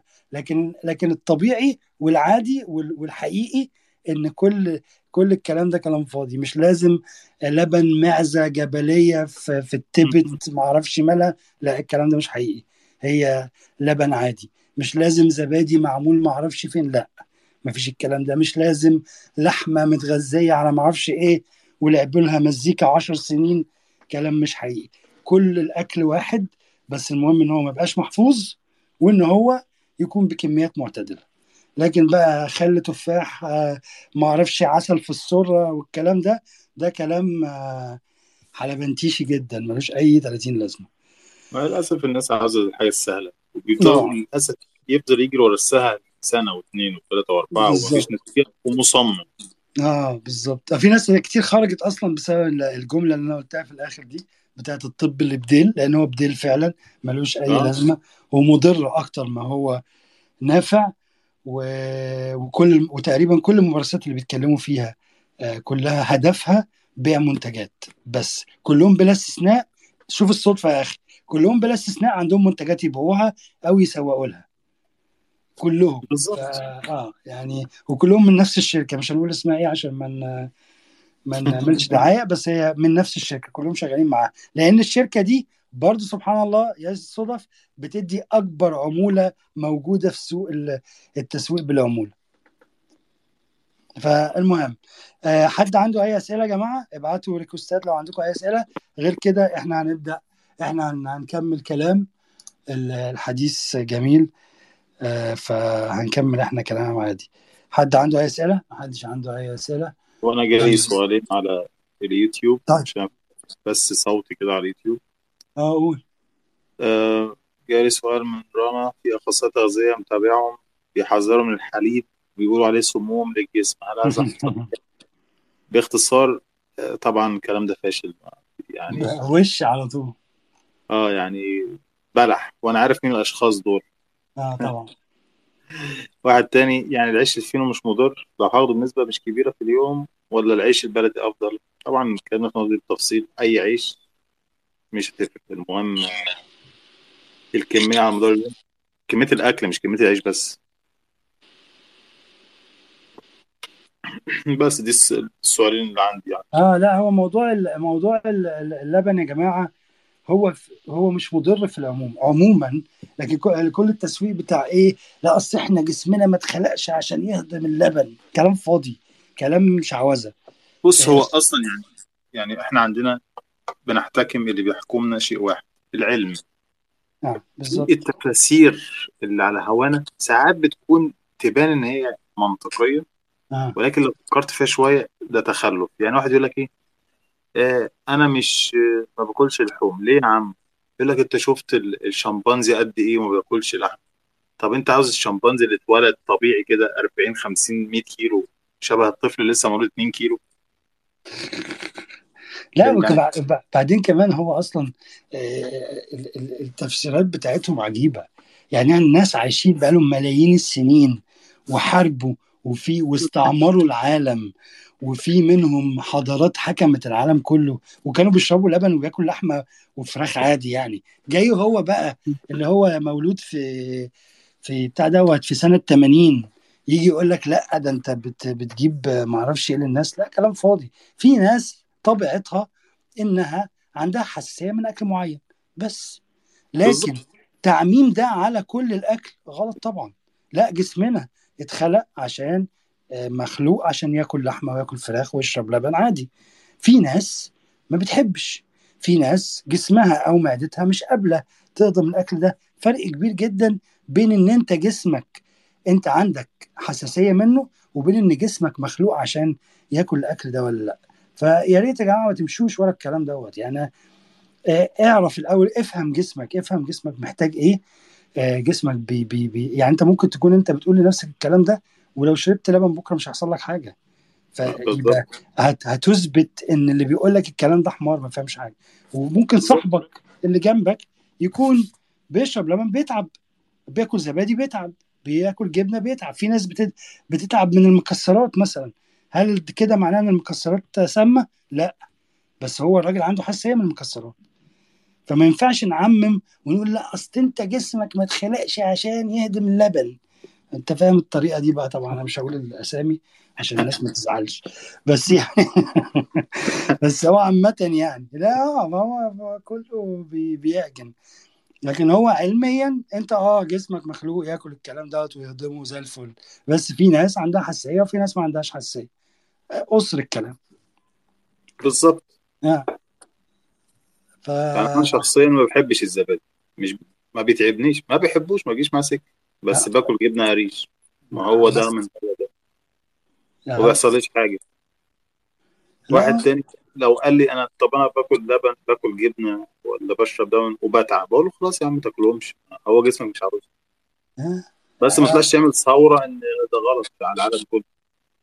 بالظبط. ما هو ما لا ما, هو في ناس أصلا هي عايشة على الكلام ده هو بيبيع لك زي ما أنا قلت بيع لك بقى لزقة تحطها على على كعب رجليك وتلبس عليها شراب عشان تطلع السموم.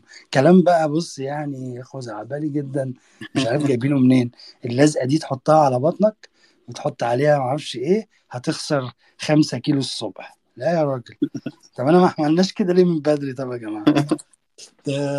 فآه لا هو هو في في ترندات كتير قوي ظهرت الفترة اللي فاتت اللي هي الترند النباتي طبعا كل الكلام ده بيجي لنا متأخر من بره يعني اللي هو إيه الترند النباتي الترند بتاع اللبن الترند بتاع الدقيق الترند بتاع ال- اللي هو ال- الأكل ال- الني تاكل ني خضار ني وتاكل معرفش إيه ني وتاكل كذا ني.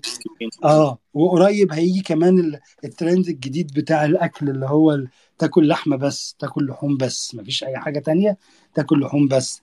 أو الترند اللي بتاع واحد اسمه The Liver King اللي هو كان بياكل آه، بياكل بس آه، كبده حلويات. آه كبده نيه وحلويات وبتاع. وفي الآخر اكتشفوا إن هو نصاب وبياخد آه، آه، بتاع دوت steroids بقاله معرفش كام سنة. وكل الكلام اللي إحنا شايفينه ده مش طبيعي أصلا. وبيضحك على الناس عشان يبيع لها مكملات.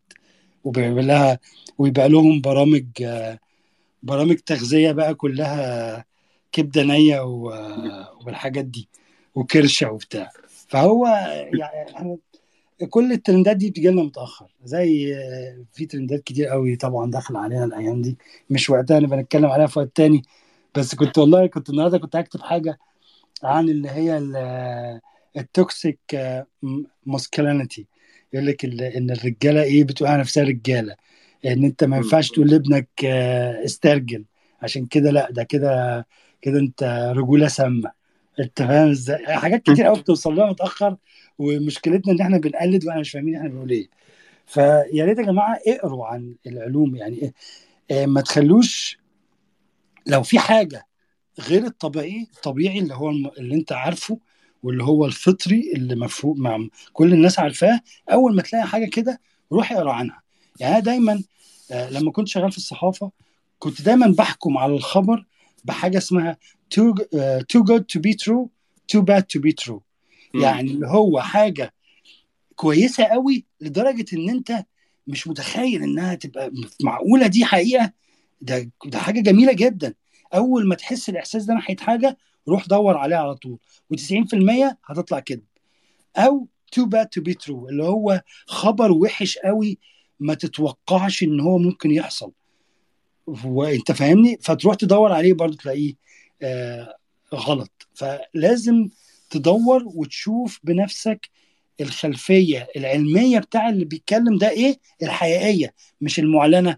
خلي بالك عشان كل بتوع اللي هم بقى بيطلعوا في يوتيوب وبيطلعوا في ال في ال social media كلهم معاهم شهادات. ما تعرفش جايبينها إمتى. بس آه. هل هم معاهم فعلا الشهادات دي ولا لأ؟ هل. هل الأماكن اللي هم بيقولوا خدوا منها الشهادات دي هل حقيقية أصلا ولا لأ؟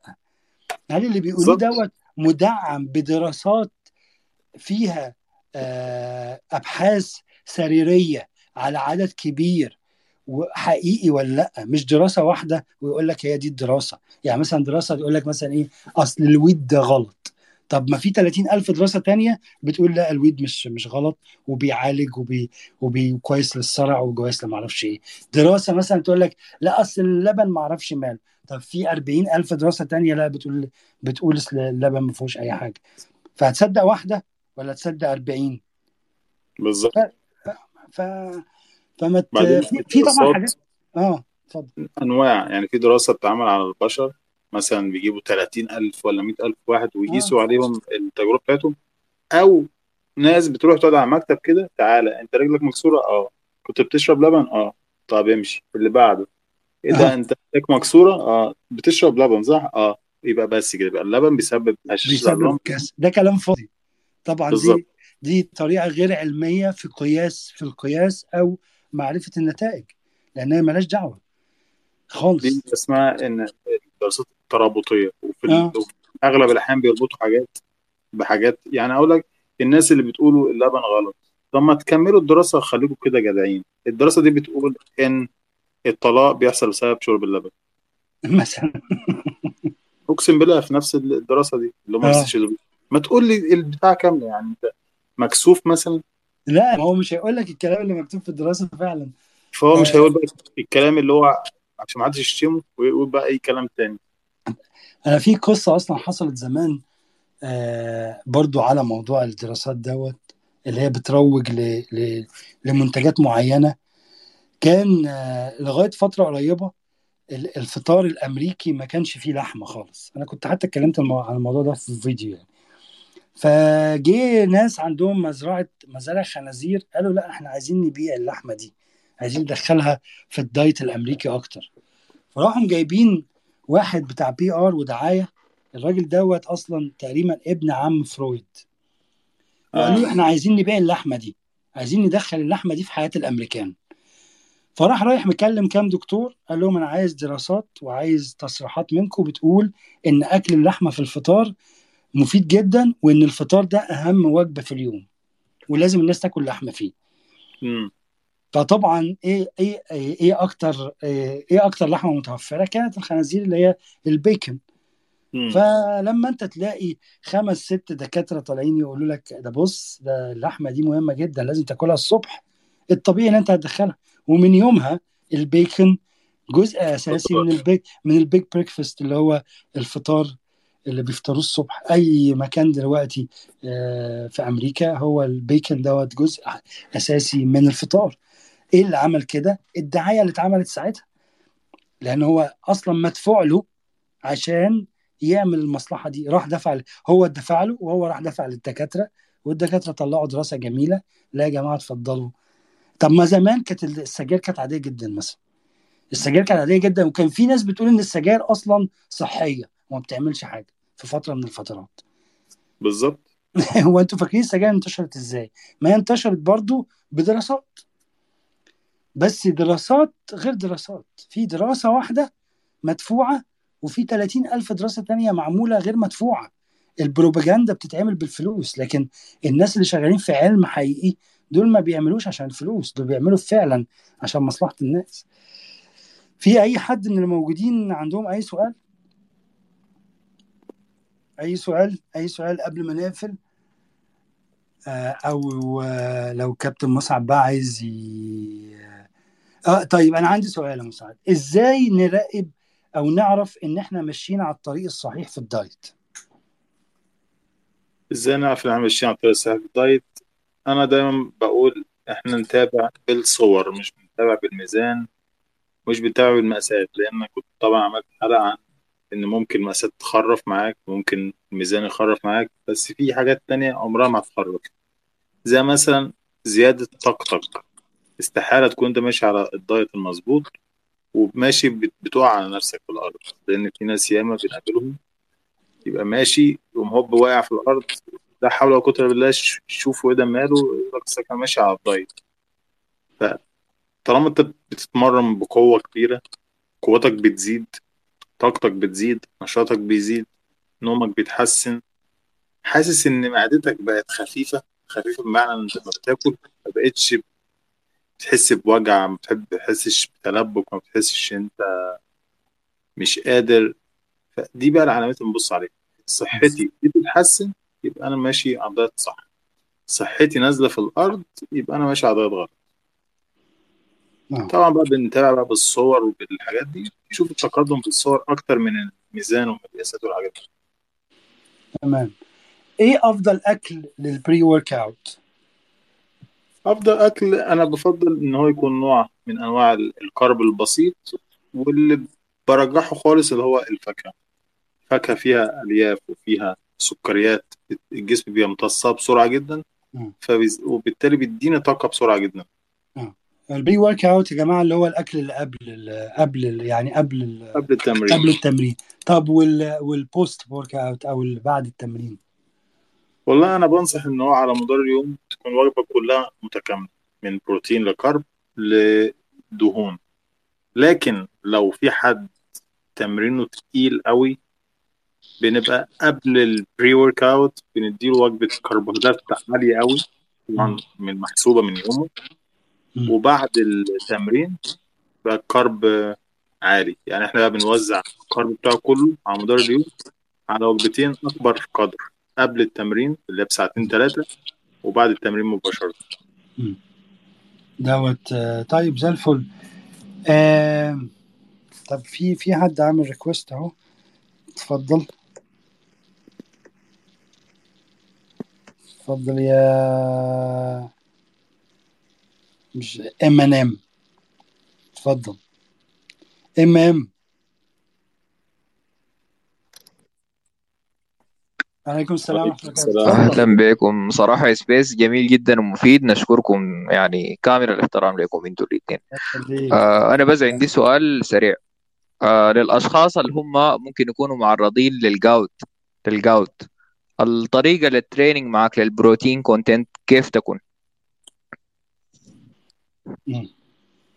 بس ده السؤال مسعد بقى. هو مسعد بقى بس هو. والله بصوا يا جماعة يعني الموضوع برضو يعني إحنا على طول بنرجع للأصول. نرجع للأصول. الأصل هو ان أنا جسمي محتاج كمية معينة. فهنلف يمين شمال هو أنا ليا كمية معينة في اليوم ما بقدرش أتخطاها لو أنا عاوز حاجة صحية بجد لو عاوز أبني بناء عضلات لو عاوز أبني مش عارف إيه. بالنسبة للبروتين أنت أصلا كده كده في ناس بتبالغ في البروتين. ناس بتبالغ بمعنى إن أنا إيه بسمع إن البروتين هو أساس بناء العضلات. هفضل اكل طول اليوم بروتين. أنت الزيادة بتترمى على الأرض. يعني جسمك بيتخلص من الزيادة ما بيستفادش منها بشيء. فأنا باخد حاجتي فانت لما هتحسب احتياجك بالظبط نفسك بتاكل بروتين قليل فمفيش أي مشكلة. لكن الفكرة زي ما قلنا إيه اللي بتحتاجه على مدار اليوم؟ جميل. آه إيه طيب أنا سؤال عندك أي سؤال تاني؟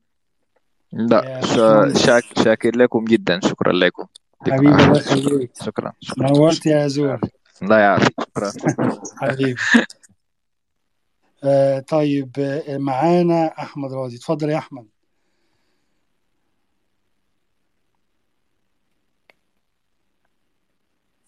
أحمد راضي. أيوه يخش لا اتفضل يا أحمد. هو لسه على ما يوصل له تقريبا آه أنا مش عارف هو سامعني ولا لأ بس آه طب في سؤال في الدردشة بتاعت آه، المساحه في واحد كاتب ما حل مشكلة عدم الثقة. أنا سلبية فعلا عملت له؟ لايك عشان مستنيك ترد أنا. آه طبعا من- الموضوع ده ملوش علاقة بالمجال بتاعي قوي بس هو موضوع نفسي. انت تقدر تكسره بإنك توصل للنتيجة اللي ما تخليش حد يقدر يتكلم عليك بس. لا طبعا. وأنا برضو هقول له حاجة لو هو سمعنا أو هيسمع الكلام بعد كده. اولا اولا اولا اولا لازم قبل أي حاجة بغض النظر شكلك إيه وزنك إيه صوتك عامل إزاي طريقة كلامك عاملة إزاي لازم تحب نفسك. بالظبط. ثانيا آه أنت دي طبيعتك.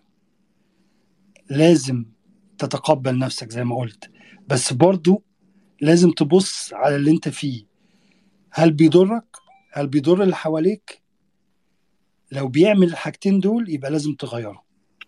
ما تستناش ما تخليش ال- التريقة بس هي اللي تبقى السبب آه، اللي يحركك. أو إن أنت خايف من السخرية أو إن أنت بتعمل ده عشان الناس. قبل أي حاجة اعمل اللي بتعمله عشان نفسك أنت بس. نفسك فقط. عشانك أنت بس. لو بتضر لو اللي أنت اللي أنت فيه الموقف اللي أنت فيه ايا كان بيضرك أو بيضر غيرك يبقى وقتها لازم تغيره. بس في بالظبط. الأساس برضو مع الأخذ في الاعتبار إن لو حد مش عاجبه حاجة لا خد صورة واديها له وبخليه يبروزها كمان. عادي. بس أنت لأن أنت في الآخر ما بتعملوش. أنت بتعمل لنفسك بس. في ناس الأيام دي آه، بيقولوا لأ ده أنت آه، إحنا لأ أنت ما ت- ما ت- آه، اسمه إيه دوت لأ ما تلعبش رياضة. انت الرجالة. عادي يعني إيه يعني الراجل لما يبقى تخين؟ وفي ناس تانية لا تقول لك ده الراجل لا تسمع لدول ولا تسمع لدول. اللي انت فيه ده بيضرك وبيضر غيرك ولا لأ؟ هيأثر على مستقبلك وحركتك وشغلك ولا لأ؟ لازم تقعد تسأل نفسك الأسئلة دي وفي الآخر لما تجاوب عليها هتلاقي نفسك هتعمل الصح. فما تخليش آه، آه، انت مش واثق في نفسك بسبب اللي حواليك. مش انت بس الناس بتتعامل معاك إزاي؟ لو خليتهم يخلوا كلامهم لو سمحت لهم يخلوا كلامهم حقيقتك مش هتعمل حاجة في حياتك. وهتفضل طول عمرك ما عندكش ثقة وشايف إن أنت لازم تتدارى ومش عارف تتعامل مع حد مش عارف تكلم آه، تتقدم لحد مش عارف تتقدم لشغل مش عارف ت... ليه؟ لأن أنت سامح لهم يخلوا كلامهم حقيقتك اللي أنت عايش فيها. مع إن الحقيقة غير كده خالص. أنت تقدر تعمل وتغير. فالصح تاني حب نفسك وتقبل نفسك وفي نفس الوقت قيم موقفك وشوف آه، هل ده بيضرك وبيضر غيرك ولا لأ. لو بيعمل الحاجات دي يبقى لازم تغيره يا رب تكون سامعني ويا رب أكون شجعتك. هو سؤاله فكرني بتعليق شفته عندك برضو على بخصوص المساحة. كان واحد بيقول لك أنا عيلتي مش عايز أتغير من نظامها وأنا عاوزهم يغيروا من نظامهم بس هم مأثرين عليا إزاي أتعامل بحاجة شبه كده. آه. طبعا هو السؤال يعتبر عكس سؤال الراجل ده بس الاتنين هو واحد. أنا مش مطالب إن أنا أغير الكون ولا مطالب غير إن أنا أغير من نفسي بس. سمعوا. كلامي أهلا وسهلا. سمعوش كلامي آخد طريقي. ما أخليش حد ياخدني معاه بالظبط. أنت أنت غير نفسك. ال ال أنا مقتنع دايما إن الفرد أساس المجتمع. عيلتك مجتمع. البيت اللي انت فيه مجتمع. الشارع اللي انت فيه مجتمع. الحي اللي انت فيه مجتمع. كل مجتمع انت الفرد اللي فيه اللي لو غيرت نفسك وحد تاني اتغير بسببك كده أنتوا غيرتوا الدنيا. فانت لو اتغيرت وكملت وعملت نتيجة وحد من العيلة تاني شاف النتيجة دي وقرر يعمل زيك كده انت عملت تغيير كبير جدا. فابدأ. بنفسك الأول. ابدأ بنفسك نفسك. وغيرها وامشي على نظام صحيح والتزم بيه وخليك قوي قدامهم مش اللي هو إيه بتجيب ورا كل شوية اللي هو إيه عملت الدايت. ده أخويا دخل عليا بفرختين مشويين و... و30 سندوتش شاورما فرحت ضارب معاه يا خسارة. وقعت وقعت النهارده هعمل بكرة. لأ أنت لما توري له لأ إن أنا مهما كان المغ... المغريات اللي أنت معاك أنا مش هعمل أنا مش ه... مش ه... مش هشاركك. وأنا مستمر زي ما أنا. يعني أنا أنا هنا في البيت بياكلوا عادي. يعني أنا باكل أكلي لوحده وهم بياكلوا عادي. هم فعلا مبسوطين إن أنا آه يعني مستمر للدرجة دي. وان الأكل بيجي يعني أنا أنا لو تفتكر الأسبوع اللي فات حمايه دخل بال KFC بال KFC كان جايب آه، بتاعة فيها بتاع 30 قطعة. أنا مش عارف جايبها منين دي. 30 قطعة فيها KFC و wings وبتاع وما أكلتش يعني بقول لك إيه ما أكلتش حتة كده إيه اللي هو قد الصباع مثلا ما دقتهاش. ليه؟ لأن خلاص أنا خدت قرار. أنا أنا عايز أنا عديت 45 فأنا اتأخرت قوي في الخطوة دي فعايز أعوض كل السنين ديت في إن أنا السنة الجاية كاملة أعمل تغيير حقيقي في حياتي. ويبقى موضوع ساعتها اكل KFC بس هاكله مثلا إيه مرة كل أسبوعين ثلاثة وابقى أنا حاسس بدل ما كنت باكله كل يوم وبدل ما كنت بقعد آكل لي 10 قطع لا أنا هاكل حتة وهتبقى كفاية عندي وتبقى مكافأة. ده الفرق. أنت بتبوظ الدوبامين في دماغك بكتر الأكل. بتخلي الفيديو بتاع النهارده على فكرة لازم تشوفوه يا جماعة. فيديو نزل النهارده على القناة لازم تشوفوه. حتى أنا عملت له تويت هنا على موضوع الدوبامين ده. أنت بت بتبوظ نظام المكافآت بدماغك في جوه دماغك بالأكل ال- ال- الزيادة والأكل اللي من بره والحاجات دي كلها لازم تظبطوه تاني عشان تعيشوا أحسن. غير كده هتبقوا كسلانين وهتواجهوا مشاكل صحية كتير وهتواجهوا مشاكل حتى في شغلكم لأن أنتوا مع الوقت مش هتعرفوا تنتجوا زي زمان. كل سنة بتصروا على الأكل غير الصحي كل ما انتاجكم بيقل. إحنا معانا على فكرة حد كان نفسه يبقى في مساحة معايا والراجل قاعد بقاله كتير فأنا لازم أدخله حتى لو هو مش عايز يتكلم هيتكلم برضو المهندس حسام حمد منور هندسة. بعت لك انفيتيشن فلازم تشاركنا يعني.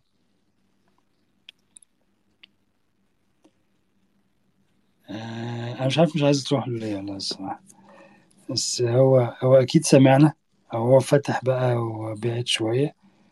هو الراجل ده كان قال لي قبل كده أنا عايز عايزين نبقى نفتح في مساحة مع بعض نفتح مساحة مع بعض. ف مش عارف. طب في أي حد عنده سؤال تاني؟ أحمد أحمد دخل كذا مرة وطلع تاني أحمد راضي. فأنا مش عارف إيه الدنيا. عايز تتكلم ولا نقفل على كده يا جماعة؟ شوف. يا أحمد. آه... فيا ريت أحمد آه، وزاني يكون سمعني والله. أنا أتمنى إن هو الراجل يكون سمعني لأن الموضوع ده مهم وكنت نفسي أتكلم فيه. لأن ثقتك مش المفروض تيجي من الوزن ولا تيجي من طريقة الكلام تيجي من علمك تيجي من شخصيتك أنت نفسك. آه طيب آه آه، اتفضل. سؤال تاني. اتفضل. وادي أحمد كمان عشان إيه؟ اتفضل يا أحمد. السلام عليكم. آه، مرة ثانية بس عندي سؤال سريع. آه، لو عايز آه، تنقص البطن الكرش يعني شوية اللي هي الكرش اللي مش كبيرة خالص يعني الكرش اللي بتكون مع جسم ال fit. لو عايز تعمل لها specify بس تحددها هي لوحدها بحيث إنك تنقصها من غير ما تنقص وزن الجسم معاه إيه المطلوب من ناحية تغذية و- ورياضة يعني؟ شكرا. العفو. والله أسئلتك حلوة في الصميم. طبعا في ناس كتير نفس التفكير. يعني 99% من الناس اللي بتعمل دايت أصلا هي تفكيرها إن أنا عاوز أفقد دهون البطن فقط لا غير. الكلام ده مش هيحصل ومش حقيقي. ليه مش بيحصل ومش حقيقي؟ أنا جسمي كله مليان دهون. مش بطني بس. أنت فاكر إن بطنك بس مليان دهون بالعكس أنت في في رجلك وفي صدرك وفي كتفك وفي ظهرك وفي كل حتة. على حسب جيناتك هيختار ياخد منين الأول للآخر. بمعنى في ناس بتحرق الجزء السفلي الأول بعد كده بيحرق الجزء العلوي. في ناس بيحرق الجزء العلوي الجزء السفلي. في ناس بقى جسمهم يفضل ياخد من هنا شوية من هنا شوية من هنا شوية من هنا شوية. فلما تخفض دهون جسمك كلها ككل تفضل مستمر بتلاقي بطنك نزلت. لكن إن أنت عاوز تنزل بطنك لوحدها بس ما بيحصلش ومش هيحصل. دي طبيعة الجسم البشرية. آه okay. يعني أستمر في البرنامج الرياضي بتاعي للجسم كله من غير تركيز على على عضلة واحدة زي البطن يعني. بالظبط. تفضل مستمر على ال diet بتاعك وتمارينك زي ما هي. هتلاقي جسمك بيفضل يخس من أماكن معينة تانية وممكن في الآخر خالص حسب جيناتك هتكون هي البطن. دي آخر حاجة في النهاية. بالظبط. أنت عارف thank you so much أنت عارف أصلا أنا أول ما بدأت ال- ال diet فبسأل مسعد فبقول له هو أنا ما بلعبش بطن ليه؟ قال لي ان أنت لو لعبت بطن آه، ال- ال- العضلات هتزيد تحت الكرش فهتزود محيط البطن. فمش هنعرف نقيس. اولا هو مش هيعرف يقيس مش هيعرف مش هيعرف مقاساتي ونسبة الدهون قد إيه بالظبط. وثانيا هيبقى بطن شكل البطن كبير وأكن يعني الكرش ما بينزلش بس هو في الحقيقة الدهون بتنزل بس هو العضل عمال يزق من ورا الدهون. فزي ما ما ما مسعد قال لك استمر في الدايت بتاعك آه العب الأوزان بتاعتك عادي وروح الجيم عادي وهي مع الوقت هت هينصرف ما تقلقش العفريت بتاع الكرش ده هيروح. طيب معنى كده إنه أنا أوقف تمارين البطن لأنك أنت ذكرت إنه العضلات من من الداخل بت بت بت بت بتعمل ال- ال- العضلات المحشوة دهون على الخارج. يعني بتنفخ البطن. ومن جوا العضلات. plank plank و vacuum آه آه. مسعد؟ ال plank بس. حلو جدا. و- وال vacuum زي آه. ما والشالك بس ما تلعبش بقى okay تمارين بطن عليه تلعب وكده. بلاش والكلام ده. bench press تلعب deadlift تلعب squat كل ده هيحرق معاك في البطن كويس جدا. okay thank you so much يا شباب. شكرا لكم. السلام يا حاج. السلام السلام آه باشمهندس حسام حبيبنا. آه ممكن حسام يكون عنده. طيب آه خلينا مع القطقوط السلام عليكم. آه ماشي عليكم اتفضل السلام. اتفضل. آه، ازي حضراتكم. بس هو أنا كنت آه، في فترة مف... اولا الحمد لله وزني كويس وعاجبني وكل حاجة. بس أنا جيت في فترة العضلات عندي ضعيفة جدا وأعصابي ضعيفة جدا فنزلت فترة ما في الجيم يعني من حوالي سنة. فهي صراحة الكابتن كانت مركزة قوي في إن أنا ألعب cardio على طول. قالت لي في الأول محتاجين نزل... ننزل دهون وأنتي تاكلي بروتين كتير. فأنا صراحة ليا فترة سايبة الجيم بسبب الدراسة وبسبب إن أنا مش بكون فاضية صراحة إني أروح وكده. وفي المقابل صراحة أنا أكلي إلى حد ما كويس الحمد لله. يعني أنا أصلا طبيعة أكلي بحب الأكل الصحي أو كده ماليش في الفرايد ولا الكلام ده خالص خالص. بس ممكن مثلا في مرة آجي مش بكون واكلة خالص طول اليوم مثلا وآجي آخر اليوم مثلا آكل فرايز مثلا. يعني آكلها وأنام.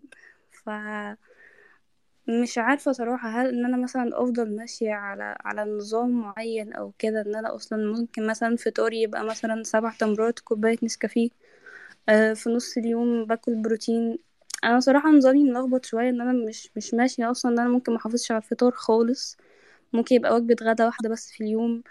فالدنيا ملخبطة خالص وفي المقابل حاليا مش عارفة أنزل الجيم خالص. ف مش عارفة صراحة إن أنا وأنا جسمي قابل الزيادة يعني أنا طبيعي وزني لو سبت نفسي لأ هزيد عادي. بس الحمد لله لحد ما أنا بحافظ على الموضوع ده. فمش عارفة مقابل إن أنا مش بنزل الجيم فأعمل إيه في نظام أكلي أو كده؟ وشكرا. العفو نورتي. ربنا يخليك.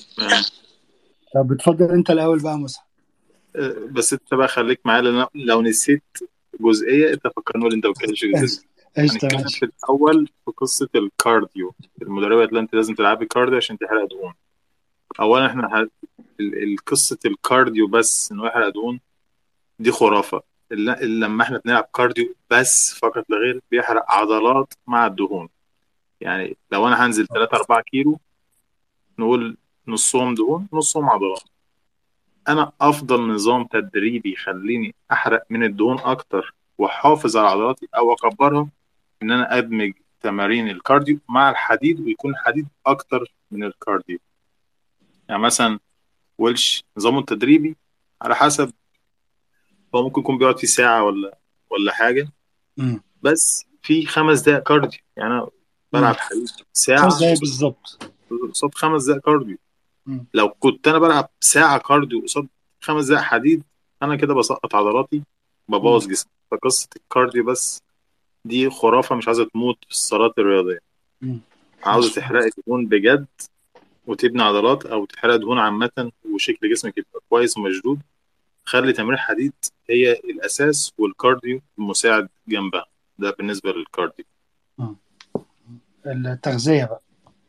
بالنسبة للتغذية أنا م- ما بعرفش أقول سبع تمرات ولا ثمان تمرات ولا ولا طبق رز ولا معلقتين ما أعرفش. لأن الولش عارف إحنا ناكل بالميزان لازم كل الأكل مم. يكون موزون. فبالنسبة مثلا للتمر والنسكافيه يعني ده مش فطار بصراحة ده كله سكر في سكر. الحاجة الوحيدة اللي ممكن تستفيد بيها الألياف ولكن ما ينفعش. جسمي خاصة الصبح لازم يكون فيه بروتين. وأنا بفضل ال- البيض لأنه أفضل وأنقى مصدر بروتين ينفع. للصبح. جسمي بيمتص بسرعة بيمتص بس- بسهولة نستفيد منه. بالنسبة وجبة في اليوم ما ينفعش لازم لأن أنا مش معترف إن في حد يقدر يكفي احتياجات جسمه كلها في وجبة واحدة. لازم يكونوا ثلاثة أربعة على حسب يومك. على الأقل خالص اتنين بس يكونوا كبار. مليانين خضروات وفاكهة وبروتينات ودهون. فأنت متخيلة الكمية دي؟ برضو في وجبتين هيبقوا كتير بس. لو اليوم يسمح ماشي. ما يسمحش إحنا في اليوم ثلاث وجبات صغننين كده حلوين مليانين عناصر غذا- غذائية. يكون في وجبة سناكس أنا ب- بفضل المكسرات لأن الدهون الصحية ليها دور كبير جدا في خسارة الدهون وفي حماية القلب وصحة القلب. بالظبط. هو بصي آه، يعني هو بالنسبة للتمارين في البيت انت اولا مش محتاجة الجيم عشان نبقى أنا بالظبط. بس أنا أنا عن. نفسي أهو أنا بلعب في البيت. جايب الحاجة بتاعتي وبلعب في البيت. فأنت لو جبتي أوزان خفيفة جدا ما بنقولش برضو إيه الحديد تشيلي بقى أوزان وبتاع. بالنسبة ليكي عشان أنت كمان لسه في الأول وأنت بتقولي إن أعصابك والعضلات ضعيفة شوية مم. فاتمرني بأوزان خفيفة جدا. تكرارات كتير. حتى إحنا كنا بنتكلم على إن التكرارات الكتير دي هي الخاصة بالتحمل والأوزان العالية بتبقى خاصة بالتضخيم. فأنت لو لو عملتي تكرارات كتير باوزان قليلة آه وقللتي شوية من ال cardio هتلاقي إن العضلات بتاعتك بتتحسن تحملها بيبقى أفضل وفي نفس الوقت بتنزلي من الدهون. ال- ال cardio بتاعك آه، ما تزوديهوش أكتر من 10 دقايق مثلا ويكونوا low intensity يعني اللي هي حاجة كده إيه ما اللي هي مش يعني في في cardio زي ال- ال HIIT مثلا بتعملي خمس دقايق الواحد بيبقى عايز ينام أسبوع.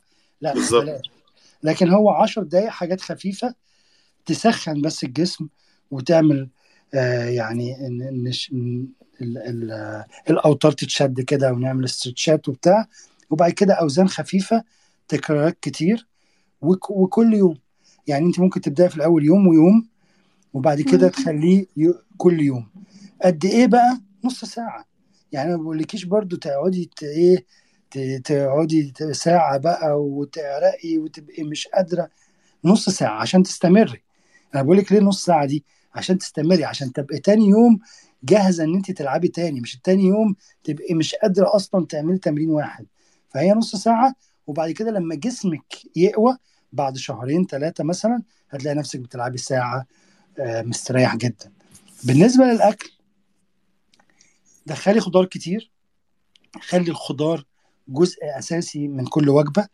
كلي وجبات صغيرة على مدار اليوم.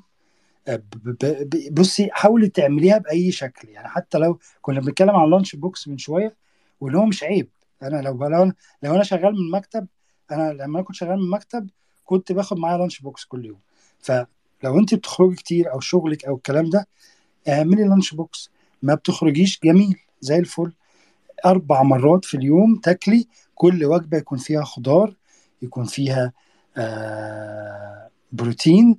بتاكلي مثلا فاكهة مرة في اليوم زي ما مسعد قال ال- البيض الصبح جميل جدا. تقدري تعمليه بمعلقة زيت زيتون زي أومليت كده مع شوية خضار عظمة. وتاكليه بالمعلقة بس كده. آه طيب معلش سؤال. موضوع إن أنا مثلا أنا مش بعرف آكل العيش خالص يعني والرز برضو نفس النظام أنا ليا مثلا ثلاث سنين مش باكل رز حرفيا. يعني مش مستسيغاه إن أنا سبته فترة فخلاص لأ مش عاوزة أكله. جه برضو فترة قالوا لأ لازم تاكلي ما ينفعش إن أنت تمنعي الحاجة خالص.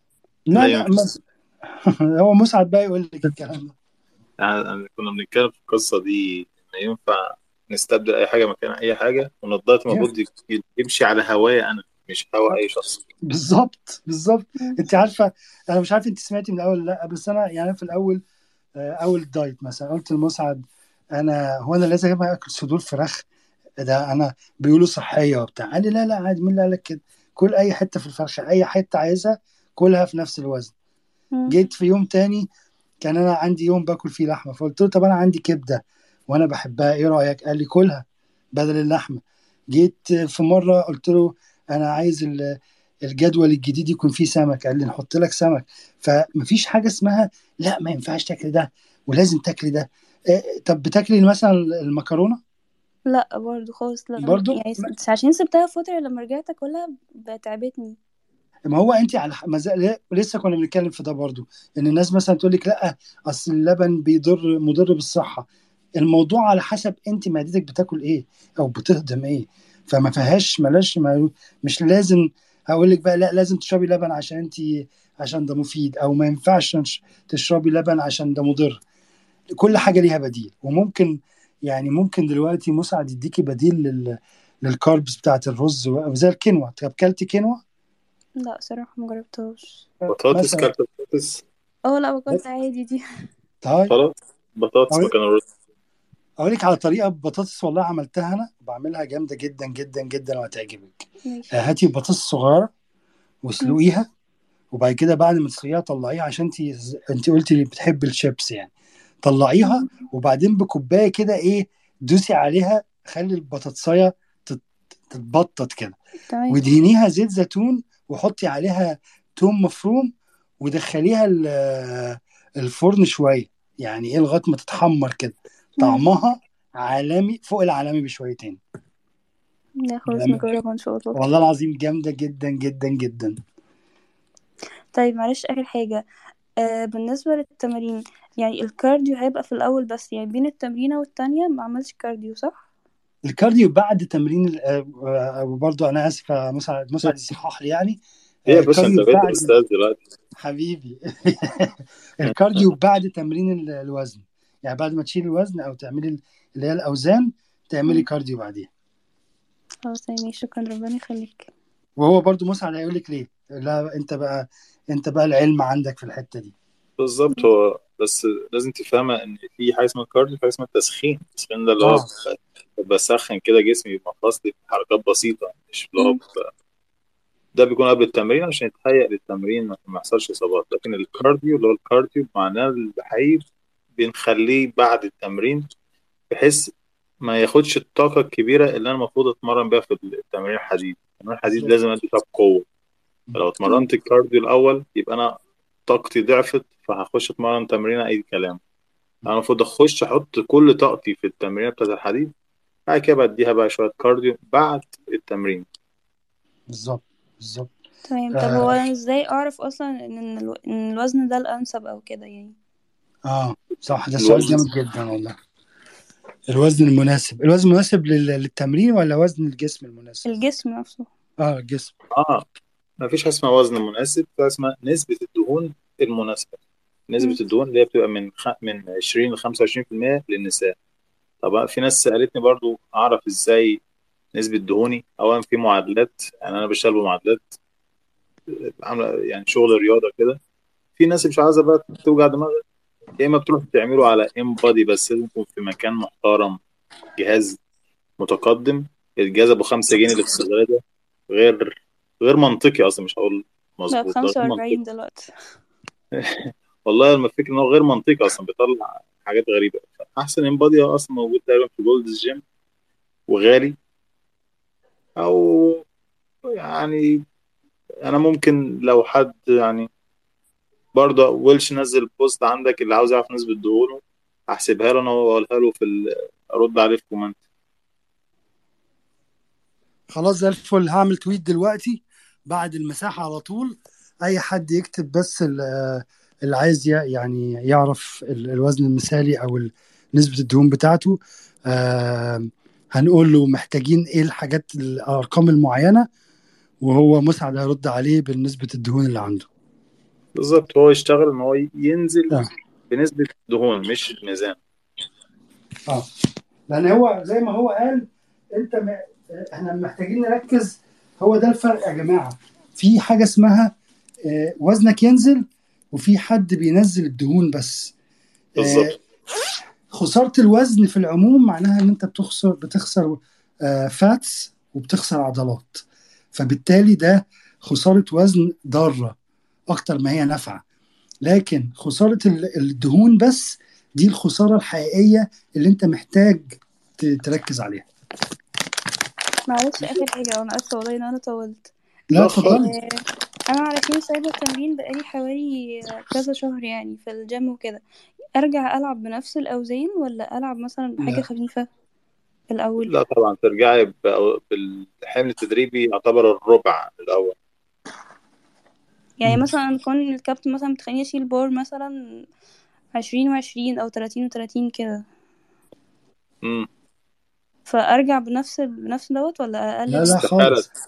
استحالة ترجعي عليهم اولا. ثانيا معدل الإصابة يكون عالي لو أنا عاوز اخش عليهم هم. فأنا لو كنت بشيل 30 و30 خلاص ارجع ب 10 و10 خلاص وأشوف الدنيا. ولو حسيت إن هم كمان تقال أو هيأذوني خمسة وخمسة. وبعدين هترجعي أسرع يعني اللي هو اللي كان بيتمرن بيرجع يرجع أسرع من اللي كان بادئ من الصفر أصلا. بالظبط. أنت كمان آه لازم قبل ما تبداي التمرين 10 دقائق إطالة وتسخين. ولو هتعملي وعموما لو هتعملي تمارين خاصة بالجزء العلوي يبقى تركزي على الظهر والكتف في التسخين بأوزان خفيفة أو حتى من غير أوزان وتعملي إطالة كويس وبعدين تبدأي تمرين الوزن وتبدأي بأوزان قليلة. آه لو بتعملي للجزء السفلي مثلا الرجل والكلام ده سكوات من غير أي حاجة خالص طبعا من غير أي وزن تعمليه بالراحة تجري في مكانك تنطي حبل. لا مش لازم تنطي حبل. بس آه مثلا أنت كنت قلت لي على اسمه إيه؟ كان اسمه إيه؟ اللي هو جامب اسمه إيه؟ ال- جامبن جاك. أهو. طلع عيني البتاع ده. بعد تمرين الرجل كسحني خالص خلاني اسحف من الجنينة للبيت. ف... فاه يعني حاجات إيه تمشي الدم في الجزء اللي أنت هتشتغل عليه. وخصوصا لو بتمرني فوق تاني حتى لو هتمرني باي أو تراي أو أي حاجة الكتف مهم جدا لأن الكتف بطبيعته إصابته يعني وارده قوي فلازم. تسخنيه كويس وتعملوا له إطالة كويس. ماشي شكرا ربنا يكرمك يا رب. أه حد عنده أي سؤال تاني يا جماعة؟ أه مفيش أه أحمد أه بيسقف لنا. أنا دخ... حاولت والله يا أحمد أدخلك كذا مرة بس مش عارف ليه مش عايز تقبل. أه باشمهندس أه حسام معانا النهارده ولا هتسمع بس؟ السلام عليكم ورحمة الله وبركاته. وعليكم السلام ورحمة الله وبركاته. كيفك يا زول؟ إزيكم؟ إن شاء الله بخير. كابتن مسعد ويلش حبيبي. كيفكم طيبين؟ مستمتعين والله بالحديث. حبيبي حبيبي يا يحفظك هندسة. يا رب حبيبي. اللهم آمين ويحفظكم كمان. الله يبارك فيك الله يبارك فيك. أنا طبعا أه في الجانب ده. آه، حاسب نفسي إنه جسمي كويس يعني. ما زلت محافظ صامت. جدع. لكن آه، فرصة الواحد يسلم عليكم منور. وياخذ أخباركم. منور الله يخليك. آه تسلم عايزين نر- نرحب بكل الناس اللي موجودين وقاعدين مكملين معانا. زول بيزنس منور آه واحد آه يمنى أخي آه، لقيت الاسم ومعانا زهرة ومعانا فاروق. وأنا في حد خرج أول ما بدأت أقول الأسامي. محمد آه أنس وطبعا إم إم سألنا كذا سؤال جامدين جدا إسراء منوره آه زياد أهلا بيك ويوسف وهبة منوره يا هبة. هبة فنانة جامدة جدا يا جماعة. آه ومعانا follower وأخيرا أمينة. أي حد فيكم عنده أي سؤال يا ريت آه، يبعت request قبل ما نقفل و أو خلاص كده بقى السهرة خلصت. وإن شاء الله ال- المساحة هتبقى على البودكاست وهتبقى على يوتيوب بعد كام يوم. عشان تقدروا لو حد عايز يرجع لأي معلومات فيها آه، تقدروا آه، ترجعوا. وأنا هنزل تويت دلوقتي عندي فيها الحاجات اللي مطلوبة من أي حد أو مسعد هينزل تويت عنده. فيها الحاجات اللي مطلوب يعرفها عشان يقول النسبة المثالية لل لل- للدهون. لأن هو إحنا زي ما قلنا مش موضوع الوزن أهم حاجة النسبة المثالية للدهون. ومبسوط جدا إن أنتوا كنتوا موجودين معانا النهارده. نشوفكم على خير إن شاء الله مرة تانية في مساحة جديدة. إن شاء الله هنعمل مساحة هيكون فيها زول بزنس وهيكون فيها آه، المهندس حسام وكمان الدكتور عماد أيوة. عشان نتكلم على على التسويق ونتكلم على التسويق بالعمولة وال- وكل الكلام دوت إن شاء الله قريب جدا. إن شاء الله إن شاء الله قريب جدا بس آه، نكون على تواصل إن شاء الله على الترتيب. بإذن الله بإذن الله. كلمة أخيرة بقى الكابتن مسعد. والله أنا مبسوط جدا جدا جدا إن أنا كنت موجود النهارده معاكم وكان أتمنى إن يكون في ملايين الأسئلة ما بزهقش. أنت عارف إن أنا بحب أصلا آه. الناس. في عبده اخويا بعت لي أحلى لايف ومن متابعين ويلش بيحبوا جدا. حبيبي يا عبد. فانا كمان عايز أقول لكم برضو حاجة أخيرة أكد عليها أكدت عليها اتكلمت عنها في المساحة النهارده اكد عليها تاني. أهم حاجة إن أنت تبقى آه، متقبل نفسك جدا.